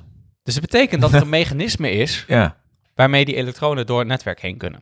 Dus ze hoppen dus wel. Ja, ze hoppen dus wel. Maar, nou, nee, ze hoppen dus. Goeie vraag. Nee, ze gaan wel van de ene naar de andere kant. Maar of het nou hoppen is, dat mag je straks even zelf over Oké, oké. Ehm, want wat er gebeurt is dat we weten volgens de klassieke mechanica, de klassieke fysica, hebben wij de wet van behoud van energie. Ja. Dus als zo'n elektron die energie niet heeft, dan mag hij niet op een nanodeeltje gaan zitten. Punt. Ja. Maar voor de kleine deeltjes hebben we natuurlijk de kwantumfysica. Ja, en die En de eh, kwantumfysica, die, die, die neemt het daar niet zo nauw mee. De kwantumfysica die heeft de Heisenberg-onzekerheidsrelatie van eh, eh, tijd en, en energie. mhm. En die zegt van nou, voor een korte tijd mag je best wel op zo'n nanodeeltje zitten. Maar niet te lang. Dus dat betekent dat zo'n elektron, die hopt eventjes virtueel op zo'n nanodeeltje. Dus die gaat daar een beetje zitten en die denkt van ja, ik zit hier nu wel chill. Maar eigenlijk mag dit niet hè, want ik heb de energie niet. En eh, op het moment dat, eh, dat het universum omkijkt en mij hierop ziet zitten, ja, dan is fout de boel. En dan gaat hij maar snel weer terug Ja. naar waar hij zat. Op dezelfde wijze kan een elektron dat al op het nanodeeltje zit, er ook afhoppen. Dan hopt hij naar de andere kant, naar de andere elektrode. En dan zit hij daar eventjes. En denkt van, ja, ja, ik zit hier nu wel chill, maar ik heb het nanodeeltje positief geladen achtergelaten. Nou, dat kost ook energie. Dat mag, mag eigenlijk ook niet. En dan gaat hij ook weer terug. Ja. Maar als binnen hetzelfde tijdsbestek het ene elektron op het nanodeeltje hopt van de ene kant en het andere elektron van het nanodeeltje afhopt naar de andere kant, heb ik netto geen extra lading op mijn nanodeeltje. Ja, Mhm. Want dat is 1, 1, 1, eh, plus 1 min 1. Dat is Nul. nul. Ja. Maar ik heb wel één elektron van de ene kant naar de andere kant gehaald. Ja. Dus ik heb elektrontransport, dus ik heb elektrische stroom. Nou, dat heet co-tunnelen. Vind je dat hoppen? Hoe, hoe heet dat? Co-tunnelen. Co-tunnelen. Ja, van, dat, het, is, het is kwantumtunnelen van één elektron op het nanodeeltje en andere elektron van een nanodeeltje af. Ja, ik vind dat eigenlijk wel hoppen. Ja, vind je dat hoppen? Nou, dan is het alsnog hoppen. Ja. Maar ehm, Je kan het zien als hoppen. ja, ja nou, het is zijn twee elektronen die tegelijkertijd hoppen. Ja. En dat betekent dus dat volgens de kwantumfysica kan je wel transport hebben nog, ook al heb je de energie niet, om door je nanodeeltje, om op je nanodeeltje te gaan zitten. Mhm. Dat is dus eh co-tunnelen. Nou, aan co-tunnelen zelf heb ik niks bij mijn netwerk. Nee, dan moet ik naar meervoudig co-tunnelen gaan. Mhm. Want dat betekent dus dat één elektron die gaat naar één nanodeeltje, dan gaat de andere die gaat naar een andere nanodeeltje. En zo krijg je dus een keten. Keten. ja. Van, en dan is het, hoeft niet per se een keten te zijn, als in, ehm, Sequentieel of zo. Nou ja, het, het, het, het is dus als, het, het is niet dat het eerste elektron hoeft, eerst hoeft te gaan en dan Nee, de dat tweede en dan de derde. Het is de derde moet gaan en de eerste en de vierde en de tweede, of eh, en, en de derde, whatever. Ze moeten allemaal gaan, anders gaat het proces niet door. Want dan schend ik de wet van behoud van energie. Dus dat betekent ook dat ehm, je krijgt eh, de kans dat eentje gebeurt tot in dit geval de vierde macht. Mhm. En dan is de kans dat je één gebeurt, dan dat, dat je de kans dat één elektron eh, hopt is 1 zesde. Mhm. En ze moeten allemaal gebeuren. Nou, dat is het. En je, je hebt eh, vier nanodeeltjes, dan moet je vier keer met die dobbelsteen 6 gooien. Ja. En als je dan nog eentje bijzet, moet je vijf keer 6 gooien. Ja. Dus dat, dan wordt dat exponentieel lastiger. Ja, ja, ja. Dus je stroom wordt ook exponentieel lager. Is dit dan dat eh, interconnected eh, stuk waar we het over hebben? Dat transport, zou ik zeggen? Nou, het interconnected, dat is meer dat de nanodeeltjes onderling contact hebben met elkaar. Die Ah, hebben contact met elkaar. Dus daar zitten bruggetjes tussen. Ja, dus dat, dat, dat, is al, dat is al gebeurd. Daar zijn we al voorbij. Ja, dat hebben we al gedaan door dat netwerk in Ja. de oplossing eh, te zetten. Dat was het netwerk zelf al. Ja. ja oké. Oké. Dus dat betekent dus met meervoudig co-tunnelen kan ik dus, zou ik dus kunnen verklaren dat er stroom loopt. Mhm. Oké. Dat heb ik eigenlijk eh, nou ja, gedaan van oké, weet je wat? Ik pak gewoon mijn netwerken Mhm. en die doe ik in mijn cryostaat. En dan meet ik IV-curves. Kun je vertellen wat een cryostaat is? Ah, dat is leuk. Dat is wel- daar heb ik nog helemaal niet over nagedacht. eh, over dat, Klinkt iets scheikundigs, maar eh, nee, dat is het niet. Een, eh, een koude... cryo dat is koud en staat dat is het blijft. Mhm. Dus het is, het is iets wat koud blijft. Dus het is eigenlijk een thermosfles in een thermosfles. In een thermosfles? Zoiets? Ja. Het is een grote vacuümketel hè, van lucht dat geleidt. Mhm. Dus je moet dat, eh, eh, ge- of eh, eh, eh, warmte. Dus Mhm. je haalt alle lucht eruit. Dan heb je een paar eh, aluminium muren tegen eh, eh, infraroodstraling. Dat infraroodstraling niet je apparaat inkomt. Ehm, en binnenin, in het hart van je cryostaat, had ik een, een pulse tube zitten. Of een pulsbuis. Mhm. En ehm, dat is eigenlijk een soort koelelement. Net als wat je in je, nou iets, iets geavanceerder dan wat je in je koelkast hebt zitten. Ja. Ehm, maar het idee is wel een beetje hetzelfde. Ik heb ook een compressor en we comprimeren dan helium buiten de cryostaat. En we, op het moment dat jij iets eh, samenperst, dan wordt het warm. Heb je wel eens Mhm. gemerkt in je ehm, eh, fietspomp. Ja. Als je die gaat oppompen, dan wordt die warm. En dus ook andersom, als je iets uitzet, Wordt dan het koud. het af. Ja. Dus we persen het samen buiten de cryostaat en dan laten we het uitzetten binnen de cryostaat. Dus dan wordt het buiten de cryostaat wordt het warm en binnen de cryostaat wordt het koud. Mhm. En daarmee eh, kunnen wij een, eh, of kon ik een temperatuur bereiken van nou ja, onder de anderhalf Kelvin. Mhm. En dat is in Celsius? Min... Eh, min 374, zoiets. Ik weet niet precies. Is het 273 of zo? Is, eh, ja, volgens mij zoiets. Ja. Oké, dan is het dus eh, ja, 200. eh, eh, eh, ja, het is het 71, 272 graden onder nul. Wauw. Dus dat is ja, dat is een paar graden boven het absolute nulpunt. Ja. Dus best wel koud. Ja. Ehm, en dat had ik nodig, want ik, ik moet dus kunnen bestuderen wat er gebeurt als die elektronen heel erg koud zijn. Hoe Mhm. stromen die dan door mijn netwerk heen? Dus wat ik heb Als ze gedaan... überhaupt stromen dan. Ja, ja, ja, maar dan, dat kan ik dan ook meten. Ja. Dus wat ik heb, eh, eh, heb gedaan, is ik heb dus heel veel van die netwerken gemaakt. Daar heb ik contactjes op gemaakt. Eh, die contacten dan verbind ik dan met een hele lange stok waar draden doorlopen. Die doe ik dan, die hele lange stok, doe ik dan in de cryostaat. Mhm. En die draden lopen dan via die stok naar buiten. Dus dat Mhm. noemen we een insert. Ehm, en vanaf buiten sluit ik dan mijn meetapparatuur erop aan. Ja. Ehm, En zo kan ik dus de, de stroom meten bij bepaalde spanning. Dus wat ik deed, is ik deed voor heel veel netwerken, uh, meten ik de, uh, de elektrische stroom Hm. bij heel veel verschillende spanningen. Dus ik meet de IV-curves, de, de stroom als functie van spanning, bij allemaal verschillende temperaturen. Mhm. Dat zijn ook mijn, de datasets die ik vooral heb. Dat zijn gewoon IV-curves bij verschillende temperaturen. Mhm. Oké. Ehm, en die data die heb ik dan geprobeerd te fitten met het model dat er al was. Dus dat is, hè, ik heb net code uitgelegd. En eh, nou, daaruit kan je uitrekenen, gewoon kwantiseren wat nou precies de stroom zou moeten zijn. Je kan gewoon voorspellen, wat zal de stroom moeten zijn door mijn netwerk. Nou, dat heb ik geprobeerd te doen. Dus op basis van het is dan de, de, de- bij het code tunnelen, dat is een theorie of dat is iets. Ja. En daar ga je, heb je een model, dat is je model wat je gebruikt om dit, Ja. die data op te fitten. Ja, ja, ja. Dus ik Dus heb je een dan- eh, regressiemodel of zo? Heb je dan, eh, wat- Ja, ja, dat is gewoon een MATLAB fit algoritme. Oh, gewoon klik fit en dan zegt hij van, oh, dit, dit is wat ik heb gevonden. Ja, oké. En zeg van, nou ja, prima. Ehm, en dan heb ik dus dat, eh, dat gepakt. Ehm, en ehm, toen zag ik dat de data eigenlijk niet te fitten was. Want ik weet het, het- op het moment dat ik de, eh, dat is het mooie, want ik heb eh, de, de stroom bij Mhm. een variërende spanning en bij een variërende temperatuur. Mhm. Dus dat betekent dat ik best wel veel eh, variërende parameters heb, namelijk twee, waar ik de data aan kan fitten. En ik weet bijvoorbeeld dat als ik naar een hogere spanning ga, dan verandert mijn netwerk verandert niet. Mhm. En ook als ik naar een hogere, hogere temperatuur ga, ja, verandert mijn netwerk niet. Nee. Dus ik weet een paar parameters die blijven hetzelfde. Mhm. Dus wat ik dan heb gedaan, is ik heb gewoon al die datapunten met datzelfde model proberen te fitten. Ja? En wat eruit kwam, dat was eigenlijk vet crap. Dat kan je lezen in hoofdstuk 5 van mijn proefschrift, ergens achterin. Daar zie je al die plotjes. En dan zie je eigenlijk dat de, de, fit, eh, de fit curves niet goed overeenkomen met Mhm. mijn datapunten. Ja. Ik zal wel een linkje naar mijn proefschrift in de show notes zetten. Dat is wel een goed idee. Ehm, en die komen niet overeen met mijn datapunten. En toen dacht ik van, nou shit, hoe zit het daar nou mee? En dan moet ik nog even toevo- toevoegen dat het model was überhaupt niet te fitten. Mhm. Want mijn model divergeerde. Mhm. Dat we eigenlijk zeggen dat op het moment dat ik een eh elektronenergie heb eh, die hoger is. ehm, Oké, wat er gebeurt is, die elektronen die hoppen van nanodeeltje naar nanodeeltje. Ja. En dat doen ze door co-tunnelen. Ja. En hoe, hoe ehm, op het moment dat ze eh, gaan co-tunnelen, dan is de kans dat een elektron meedoet, Mhm. is afhankelijk van hoeveel energie die extra nodig heeft om op het nanodeeltje te gaan zitten. Ja. Want een elektron die heeft een bepaalde eh, eh, energie Mhm. en heeft minder energie dan de energie die je nodig hebt om op het nanodeeltje te zitten. Ja.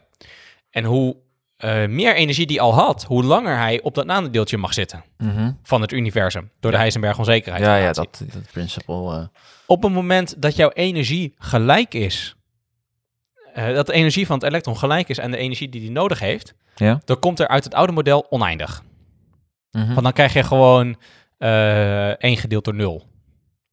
En dat is oneindig. Of in ieder geval komt er uit je model Iets raars. die divergeert. Dus dat, Ja. dat, dat wil- helemaal niet. Nou, dat heb ik een beetje eh, artificieel proberen te, te fixen. En dat gaat op meerdere manieren. Die divergeerde het model ook nog met iets compleet anders. En toen merkte ik dat, ja, uit het model kwam gewoon poep. En toen dacht ik van, ja, dit, dit werkt niet. Mhm. Ik verzin daar wel wat op. En wat heb je toen gemaakt? Nou, toen heb ik mijn eigen model gemaakt. Dus ik heb vanuit basisprincipes, eh, wat de vorige eh, eh, mensen hadden gedaan, die dachten van, nou, we gaan gewoon meervoudig co-tunnelen en dan heb je deze formule en dan plakken we ongeveer deze term, plakken we er nog even aan vast, een of andere E-macht. En dat zal dan ongeveer wel de hoeveelheid elektronen uit die Fermi-functie beschrijven. Mhm. En toen dacht ik van, ja, ik snap die term niet. Ik was er gewoon compleet, al vanaf het begin van mijn PhD, was ik het daar niet mee eens. Mhm. En heb ik ook al direct overlegd met mijn, eh, met mijn promotor, met eh, professor Dr. Sensian van der Molen. En ja, die wist het ook eigenlijk niet waar die vandaan kwam. En toen zei ik van ja, het is gewoon onzin. En uiteindelijk dacht ik van, weet je wat, ik ga gewoon mijn eigen model maken. En dit was echt tegen het einde van mijn PhD. Eigenlijk, volgens mij was mijn contract al afgelopen. En, even alles op de schop gegooid. Dan, eh, ja, ja, ja. En toen heb ik dit nog, eh, nou ja, op de schop heb ik nog toegevoegd. Eh, wat ik toen heb gedaan, is ik heb mijn eigen model opgesteld. Dus ik heb gewoon echt even netjes gedaan van, oké, bij welke temperatuur en welke spanning heb ik welke elektronen die mogen stromen? Hè? Mhm. Dus dat is bij, hoe loopt mijn Fermi-curve? Hoe gaat die, gaat die in één keer van 0 naar, naar 1 of Mhm. gaat dat geleidelijk? Nou, En dan heb ik eh, meerdere van die Fermi-curves. Hè? Van ik heb de Fermi-curve van eh, het, de ene elektrode, van een nanodeeltje en weer van de andere elektrode. Dus dat moet je allemaal eh, netjes meenemen. Mhm. Ehm, en uiteindelijk heb ik dat dus, dus gedaan. En toen heb ik dat nog getest. Heb ik nog hulp mee gehad eh, met die integraal van een, een, een Franse collega. Ja, toen heb ik, heb ik dat opgesteld. En toen dacht ik van, nou, weet je wat? Ehm, je moet ook eh, meenemen dat op het moment dat je een spanning over je hele netwerk zit... en dat wordt, die spanning wordt gelijkmatig verdeeld over je netwerk. Dat betekent dat, eh, stel nou dat je een, eh, hoe heet zo'n, een rivierdelta hebt of zoiets, of. Of, een, of een set watervallen, dan is het niet dat het waterpeil gelijk blijft tot aan de laatste waterval. Nee, dat waterpeil dat daalt gelijkmatig over de verschillende water- watervalletjes die je hebt. Nou, hetzelfde eh, is het ook hier bij mijn eh eh, nanodeeltjes. Dus het betekent ook dat de energie die een elektron nodig heeft om op, het, om op een nanodeeltje te gaan zitten, wordt steeds lager naarmate mijn nanodeeltje verder aan de andere kant van het netwerk is. Hè? Verder aan de andere kant van de waterval. Dat, dat moet ik allemaal meenemen. Ja, toen dacht ik van, mooi, dan heb ik dat model... Ga nu eens even laten zien dat het fitte. Ehm, Gedaan? Werkte niet. Nou, En toen dacht ik van, shit. En als echt goede wetenschapper zeg je dan... Weet je, als de data jouw model niet mee overeenkomt... Dan zeg je als echt goede wetenschapper, zeg je van... ik weet het niet, zeg je dan. Dan moet je dan eigenlijk zeggen, toch? Ja, ja, eigenlijk wel. Maar ik zei ze van... Nee, nee, nee, die data die is verkeerd. Of er is iets... Mijn model die klopt, maar er is iets wat ik mis. Want ik, ik, ik had het model gewoon- opgebouwd uit, uit grondprincipes. Dus dan Mhm. weet ik van, ja, die grondprincipes... Afzonderlijk kloppen die allemaal. Mhm. En als je die afstand bij elkaar voert, ik weet, ik heb daar en daar heb ik wat aannames gedaan. En ik heb daar eh, met de hand, artificieel, heb ik gewoon extra wat eh, ad hoc aan, aan toegevoegd. Maar ja, dat kan niet zo'n groot effect hebben. Dus er is iets wat ik mis. Mhm. En toen dacht ik van, wacht even. Ik heb wel op de cover van mijn, eh, van mijn proefschrift, heb ik wel heel mooi staan dat een heel mooi netwerk heb. Mhm. ja. En een netwerk is niet mooi perfect. Niet elk nanodeeltje is hetzelfde. Het ene nanodeeltje is wat groter dan het andere nanodeeltje. De ene is 10 eh, nanometer, de andere 11, de andere weer 9. Mhm.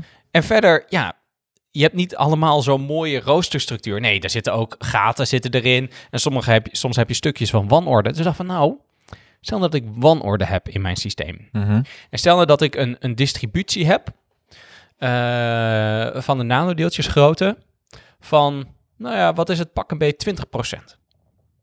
En wat bedoel je met eh, distributie is verdeling? Ja. En eh 20% betekent, is dat het, zeggen, de, de, de... Yes, je hebt een belcurve. En de belcurve, de breedte van die belcurve is ongeveer 20% van de grootte van de nanodeeltje. Dus dat is ongeveer de, de breedte van die belcurve is t- 2 nanometer. Oh, zo. Dus ik heb Ja, een piek bij het. 10 nanometer. De meeste, de, het gemiddelde grootte is 10 nanometer.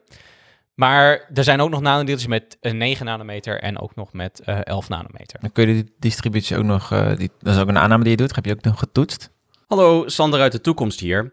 Ik zeg in het volgende stukje dat ik deze aanname niet heb getoetst, maar dat is eigenlijk maar gedeeltelijk waar. Ik heb niet de formele analyse gedaan om echt de distributiecurve te berekenen.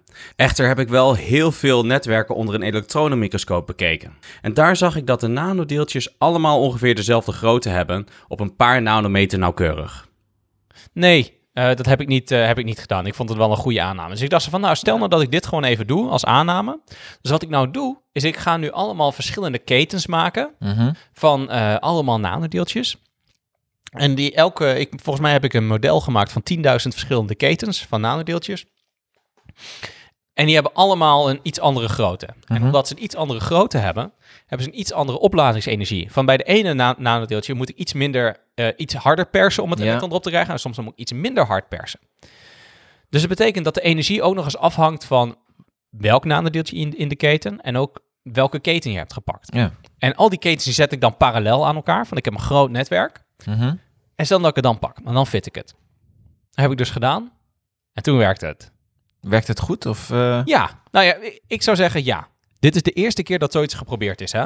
mhm. Dat, dat, dat die data zo gefit is. En toen dacht ik van, nou, dit, dit werkt eigenlijk best wel goed. Mhm. Veel beter dan de andere dingen. En ik kan nu gewoon zeggen dat het best wel overeenkomt. En toen dacht ik van, oké, prima, nou heb ik het kunnen fitten. Nou, dan wil ik nu eens uitrekenen hoe ver die elektronen gaan co-tunnelen. Mhm. Wat is de gemiddelde co-tunnellengte? Is dat, eh, is dat één nanodeeltje. Of kotunnelen ze meestal met drie elektronen tegelijkertijd. Mhm. Dus een een kotunnellengte van drie of van vier of van vijf. En toen kwam er een gemiddelde kotunnellengte uit van 1,016, zoiets. Een nanodeeltje. Eh, ja. Ja. En dat betekent dus dat eigenlijk er geen kotunneling gebeurt in mijn netwerk. Wat, zo- hoe niet? Hoezo niet dan? Nou, uit, ik kan mijn data fitten met het model. En omdat ik het model weet, kan ik gewoon berekenen hoeveel nanodeeltjes, hoe- hoeveel kotunnelen er gebeurt. En mijn model zegt niks, of bijna niks. Ja, één nanodeeltje. Eh, Ja, en één nanodeeltje kotunnel, dat is gewoon één, één elektron naar het nano. oh, dat is niet elk nanodeeltje dat dan één... Nee, nee. Sorry, nee, zo interpreteerde ik het. nee dus, een, Oké, dus een kotunnellengte van 1 is geen kotunnelen. Dat is belangrijk om te zeggen. Vanaf een kotunnellengte 2 is het kotunnelen. En drie, Ja, maar dan heb meer je, is dan heb meervoudig dit- Ja, dan heb je twee deeltjes die dat Twee doen. elektronen die meedoen. Ja, De, eh, eh, het is het Ja. aantal elektronen per transportproces. ja. Right? Oh, cool. En daar kwam uit dat het niet gebeurt. Maar hoe kan het dan wel? Ja, hoe kan het dan wel dat je die stroom kon meten, Ja. bedoel je? Ja. Nou. Want je mat wel stroom, toch? Ja. En wat er dan, eh, wat, wat we denken dat er gebeuren, is omdat er geen kotunnelen gebeurt, dan moet het op een andere manier zijn. En ik zei dat thermisch Mhm. heb je eh, altijd een paar elektronen die gewoon toevallig een hoge energie hebben. En bij een lage temperatuur zijn die er ook, maar zijn er gewoon veel, veel minder van. Mhm. Ehm, Oké.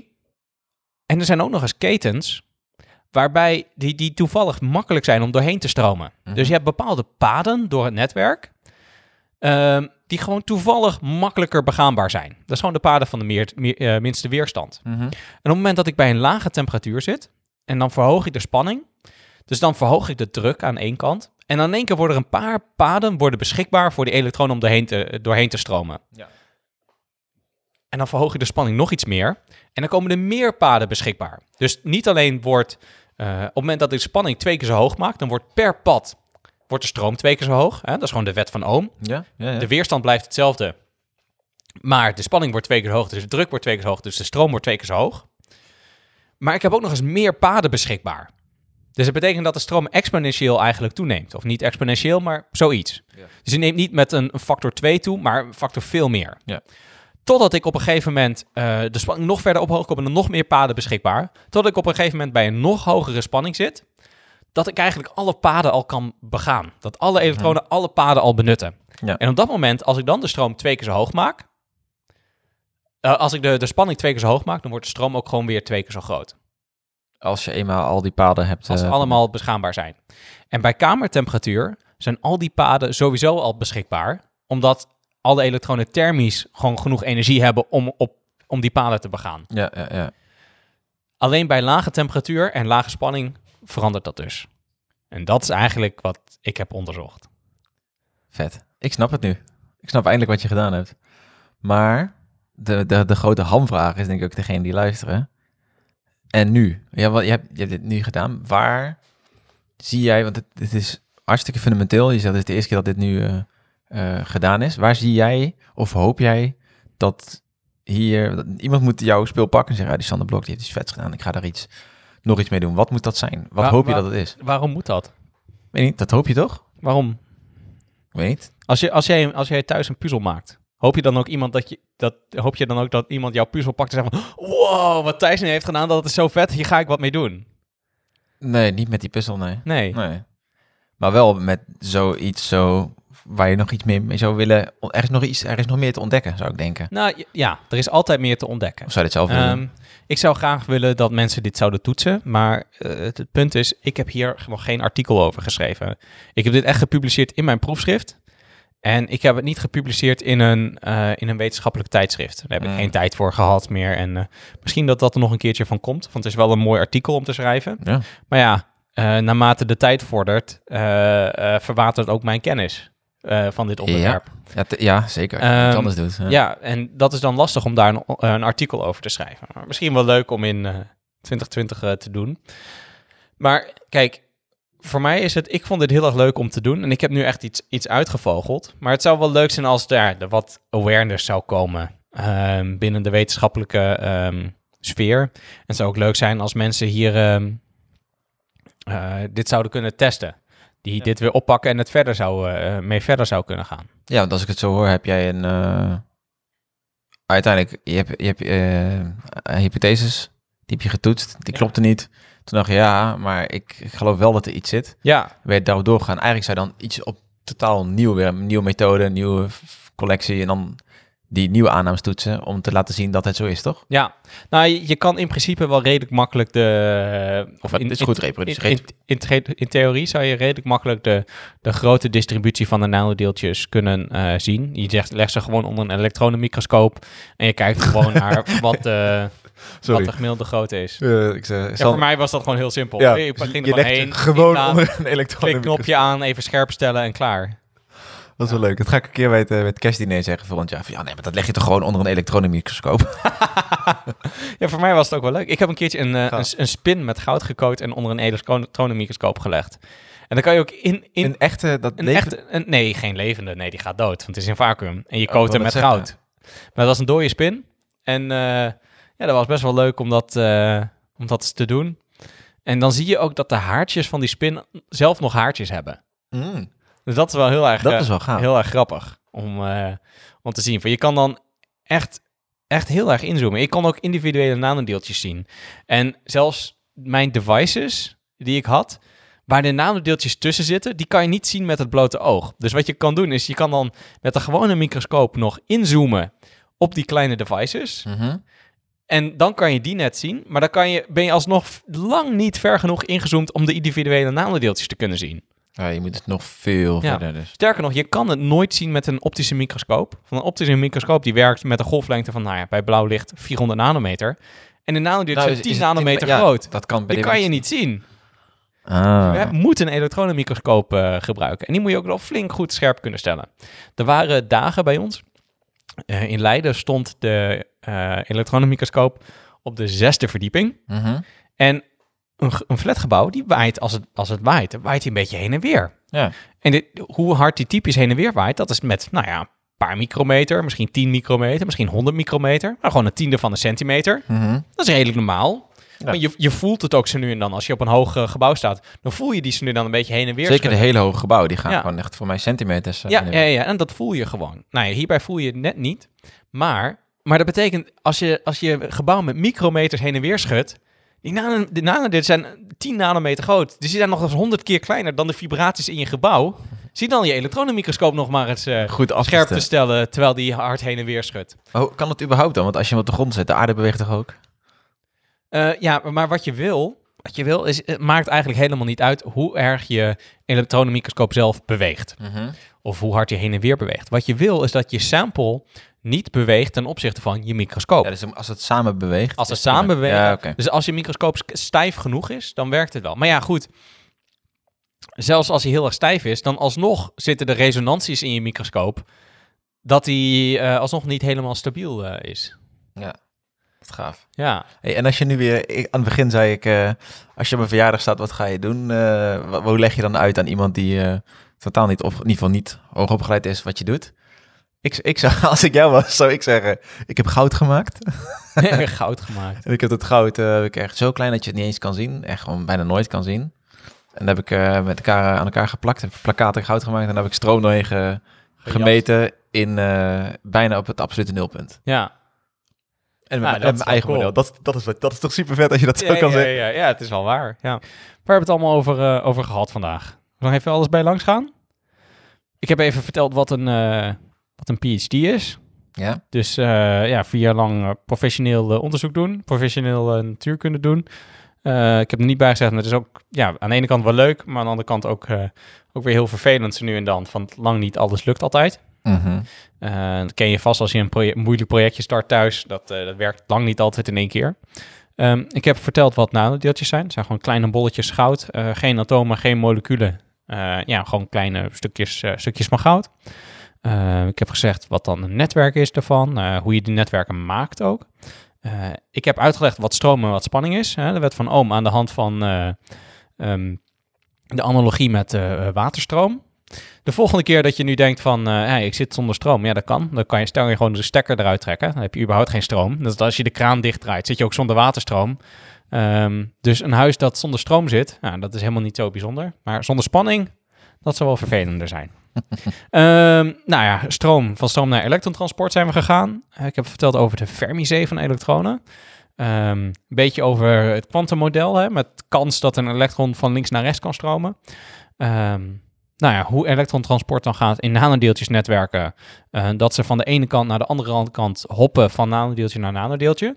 Mhm. En bij lage temperatuur eh, kan dat niet, want ze hebben dan niet de energie om samengeperst te worden op een eh, nanodeeltje. Ehm, en dan eh, heb ik cotunnelen uitgelegd. Ja. Ehm, toen heb ik gezegd van, nou oké, hoe heb ik dan mijn model eh, gemaakt? Ehm, en dat heb ik gefit aan mijn data.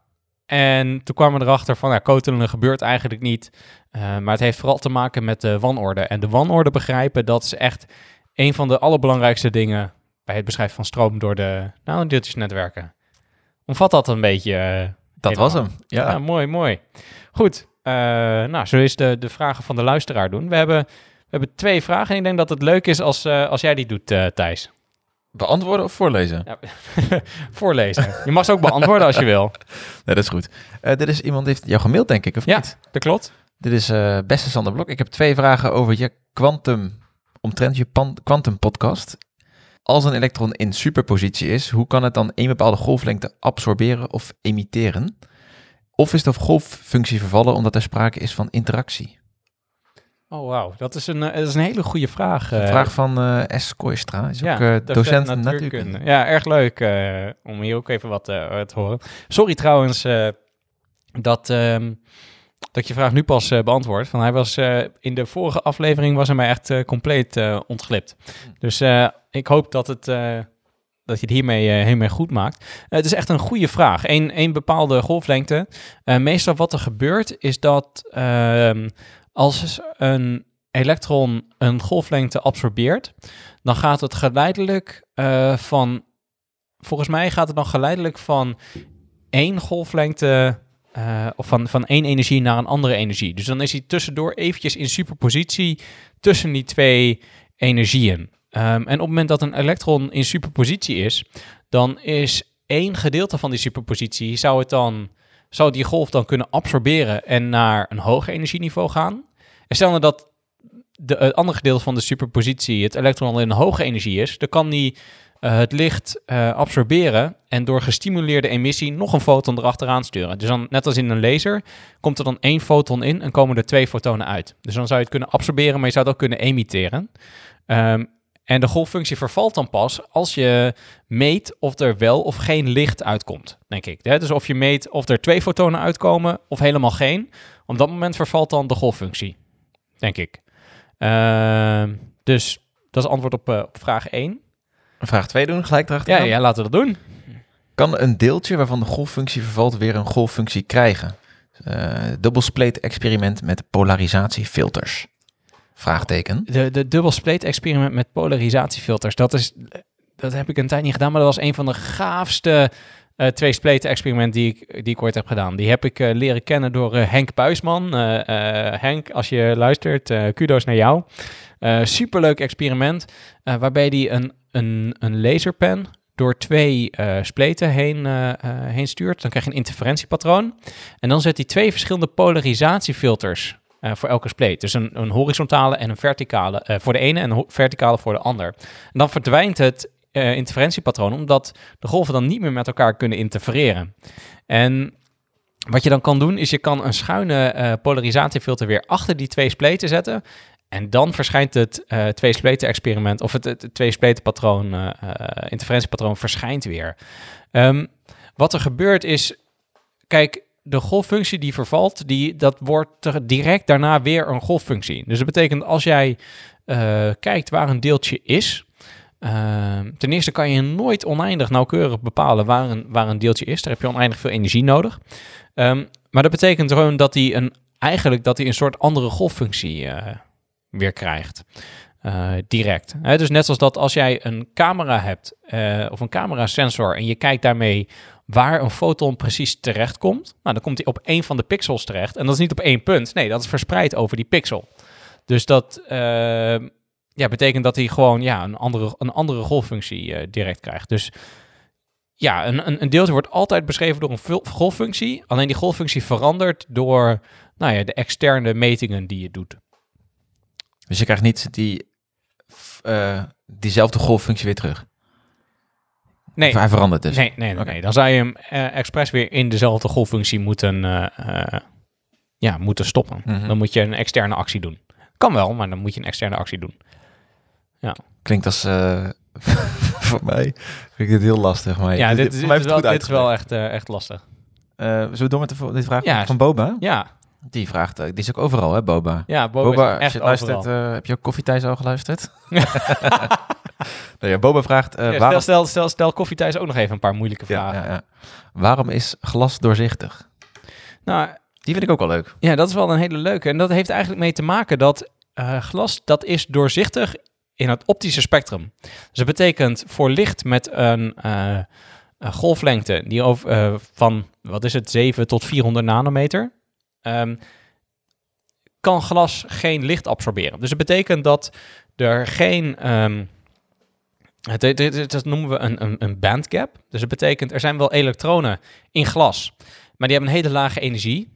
En eh, boven die energie heb je alleen maar destructief interfererende elektronstaten. Dus dat betekent dat een elektron mag daar niet zijn. Net zoals dat eh, een, in een gitaarsnaar heb je ook eh, een, ja, een bandgap, verboden staten. Namelijk, je kan een E-snaar, die kan je ehm, met een E laten trillen. En de eerstvolgende, dat is de eerste har- harmonische van de E. En dat is de E één octaaf hoger. Je kan een E-snaar niet met een, met een F laten klinken. Dat is gewoon niet mogelijk. Dat, dat kan niet. Dat is, als je dat doet, dan interfereert die destructief met elkaar en dan, dan stopt die golf in je snaar. Dus die kan gewoon niet bestaan. Eh, dus je hebt elektronen die dan trillen bijvoorbeeld met, je, met je, eh, de tonen van je lage E-snaar. En dan is, zijn er, is er een stukje van helemaal geen trillingen waar die elektronen in mogen zitten. En daarboven eh, zijn wel weer beschikbare staten waar die elektronen in kunnen trillen. Ehm, dat energieverschil is zo groot dat je eigenlijk niet ehm, daar kan komen met de energie van, eh, ja, van gewoon licht. Dus dat betekent dat je een hogere energie nodig hebt. Dus dat betekent dat licht, ja, dat wordt niet geabsorbeerd. Dat gaat er gewoon dwars doorheen. En dat is het, zeg maar. Dus er zijn gewoon geen eh, eh, ja, beschikbare staten daarvoor. Dus vandaar dat glas ja, doorzichtig is. Dat, het, het kan niks met optisch, ja, optisch licht. Het, verder is het wel dat het infrarood, dat komt er niet doorheen. Dat wordt weer eh, gereflecteerd. Dus heeft ook te maken met de eh, diffractie, of de, wat is het, de, de, de heet dat N, Eh, refractieindex, ehm brekingsindex van het glas. Dus je kan ook gewoon zeggen, de brekingsindex van glas, dat, die is afhankelijk van de golflengte. En eh, bij optische golflengtes eh, ja, kan je gewoon uitrekenen hoe, het, hoe, dat, eh, hoe het licht breekt. En dan komt eruit dat er wordt een klein beetje gereflecteerd, maar het meeste gaat er gewoon doorheen. Dus dat ook. Ik hoop dat dat je vraag beantwoordt, Boba. Maar laat, ze maar, laat ze maar komen, de vragen, Boba. Je bent goed bezig. Heb je nu bij elke podcast al een vraag gehad? De vorige sowieso. Die daarvoor misschien ook wel. Ja, misschien is wel een leuke traditie. De vraag van de Boba. Ja, de Boba, ja. Ja. ja. Oké. Thijs, Leek, heb jij nog een vraag? Ja, ik heb wel een vraag. Hoe kun je als leek nu het best... Wat is het leukste boek om iets meer te leren van nou natuurkunde? Natuurkunde is echt super groot. Ehm, dus Ja, gewoon of, of wat is het leukste onderwerp om iets van te leren? Dan heb je dan een leuk boek daarbij. Ehm, ik vind de boeken van Richard Feynman echt superleuk. Ehm dus dat vind ik, die vind ik wel heel erg goed. Ehm, ik lees graag over eh, ja, kosmologie. Dat, dat spreekt wel een beetje tot de verbeelding. En dan eh, eh, zijn de boeken, wat is het? Cosmos en Pale Blue Dot van Carl Sagan. Dat zijn Mhm. echt aanraders, zijn echt hele leuke. Ehm, ik zit nog even te kijken. Ja, ik kijk even naar mijn... Boekenkast. naar mijn boekenkast. en ik heb best wel veel leuke, eh, ja, populair wetenschappelijke eh natuurkundeboeken. Ik vind eh, How to Teach Quantum Physics to Your Dog. ja. vind ik ook wel echt een leuke. Dat is echt wel een aanrader. Ehm, maar ja, ik vind het een beetje... ja, lastig om daar eh, ja, echt een van natuurkunde is zo groot om nou ja, echt- maar het een paar, dit zijn een paar mooie tips, dus eh, die kan ook ja, ik denk dat dat wel, eh, dat dat wel leuk is. En ik denk ook de, de boeken van Richard Feynman, die gaan niet altijd over natuurkunde. Die gaan meer over ja, zijn markante leven, zeg maar. Mhm. En dat is, dat is ook wel heel erg leuk om daarover te lezen. En daar, dat is wel gewoon doorspekt met natuurkunde. Ehm, wat misschien wel een hele leuke is, dat is... ehm, eh, ik denk, ja, om wat te leren over natuurkunde... ehm, op een ja, grappige manier. Dat is What If en How To van Randall Munro. zijn. Ja, van XKCD. Ehm, ja, van XKCD. ehm, hij doet dat ook wel echt goed. Hij gebruikt ook echt natuurkunde. En dan, ja, dan leer je gewoon hier en daar wat natuurkundige principes. En ja, dat is wel heel erg tof om te leren ja, wat je ermee kan. Ja. Maar ook wat het, ja, wat het dan betekent. Dus dat is wel, eh, ja, dat is wel tof. Ja, ja. Thanks. Ja, graag gedaan. Graag gedaan. En dan zijn we toe aan de, de doctorale kudo. De, de rubriek waarin ik mijn waardering uit voor eh, eh, iets of iemand in de, in de wetenschap. En eh, met een, een aflevering als deze moet, vond ik eigenlijk dat mijn doctorale kudo wel uit moest gaan naar iets wat te maken heeft gehad met mijn, met mijn proefschrift. En ik heb erover na zitten denken. En eigenlijk kan ik eigenlijk niet echt iets goed anders bedenken dan de doctorale kudo eh, schenken aan mijn promotor, dokter, Se- eh, professor dokter tegenwoordig, Sense-Jan van der Molen. Ehm, een promotietraject is niet altijd even makkelijk. Ehm, het is ja, leven met ups en downs, zowel wetenschappelijk, technisch ehm, als ook emotioneel. En ja, die kan je eigenlijk niet goed afronden zonder een goede begeleiding. Mijn boekje en ook deze podcast, ja, hè, dus ook door de, door de titel van deze podcast, in deze vorm was er eh, ja, waarschijnlijk niet eh, zonder jou geweest. Dus uh, Sensian, uh, dankjewel. En deze keer is de doctorale kudo voor jou. Gefeliciteerd! En dan zijn we alweer aan het einde. Dit was Komt een Leek bij de dokter. Vandaag legde ik uit over elektrontransport door nanodeeltjesnetwerken aan de hand van mijn bloedeigen proefschrift. En onze leek van vandaag was Thijs van Bruksvoort. Thijs, dankjewel voor je aanwezigheid. Ik hoop dat je wat van hebt opgestoken. Volgens mij heeft hij ook nog wat aan te kondigen. Heb je nog een plug? Ik heb zeker een plug. Dankjewel dat ik er mocht zijn. Ik vond het heel leuk. Ik weet nu eindelijk wat jouw proefschrift uh, inhield, inhoudt. Ik, uh, nee, als je wil uh, luisteren naar uh, interviews met interessante mensen, luister eens naar Koffie Thijs. En ik ben ook actief als geldvriend en daar maken wij mensen financiële eindbazen. Dus als jij een financiële eindbaas wil worden, kijk dan eens naar geldvrienden.nl of kom langs bij onze workshops. Ja, leuk, leuk. Goed, luister je nou naar de podcast en is er iets niet duidelijk? Zeg ik iets compleet verkeerds of heb je nog een andere opmerking? Stuur dan een e-mail naar reacties@komteleekbijdedokter.nl of tweet naar @leekbijdedokter en wellicht beantwoord ik jouw vraag in de volgende aflevering. Bedankt voor het luisteren en tot de volgende keer.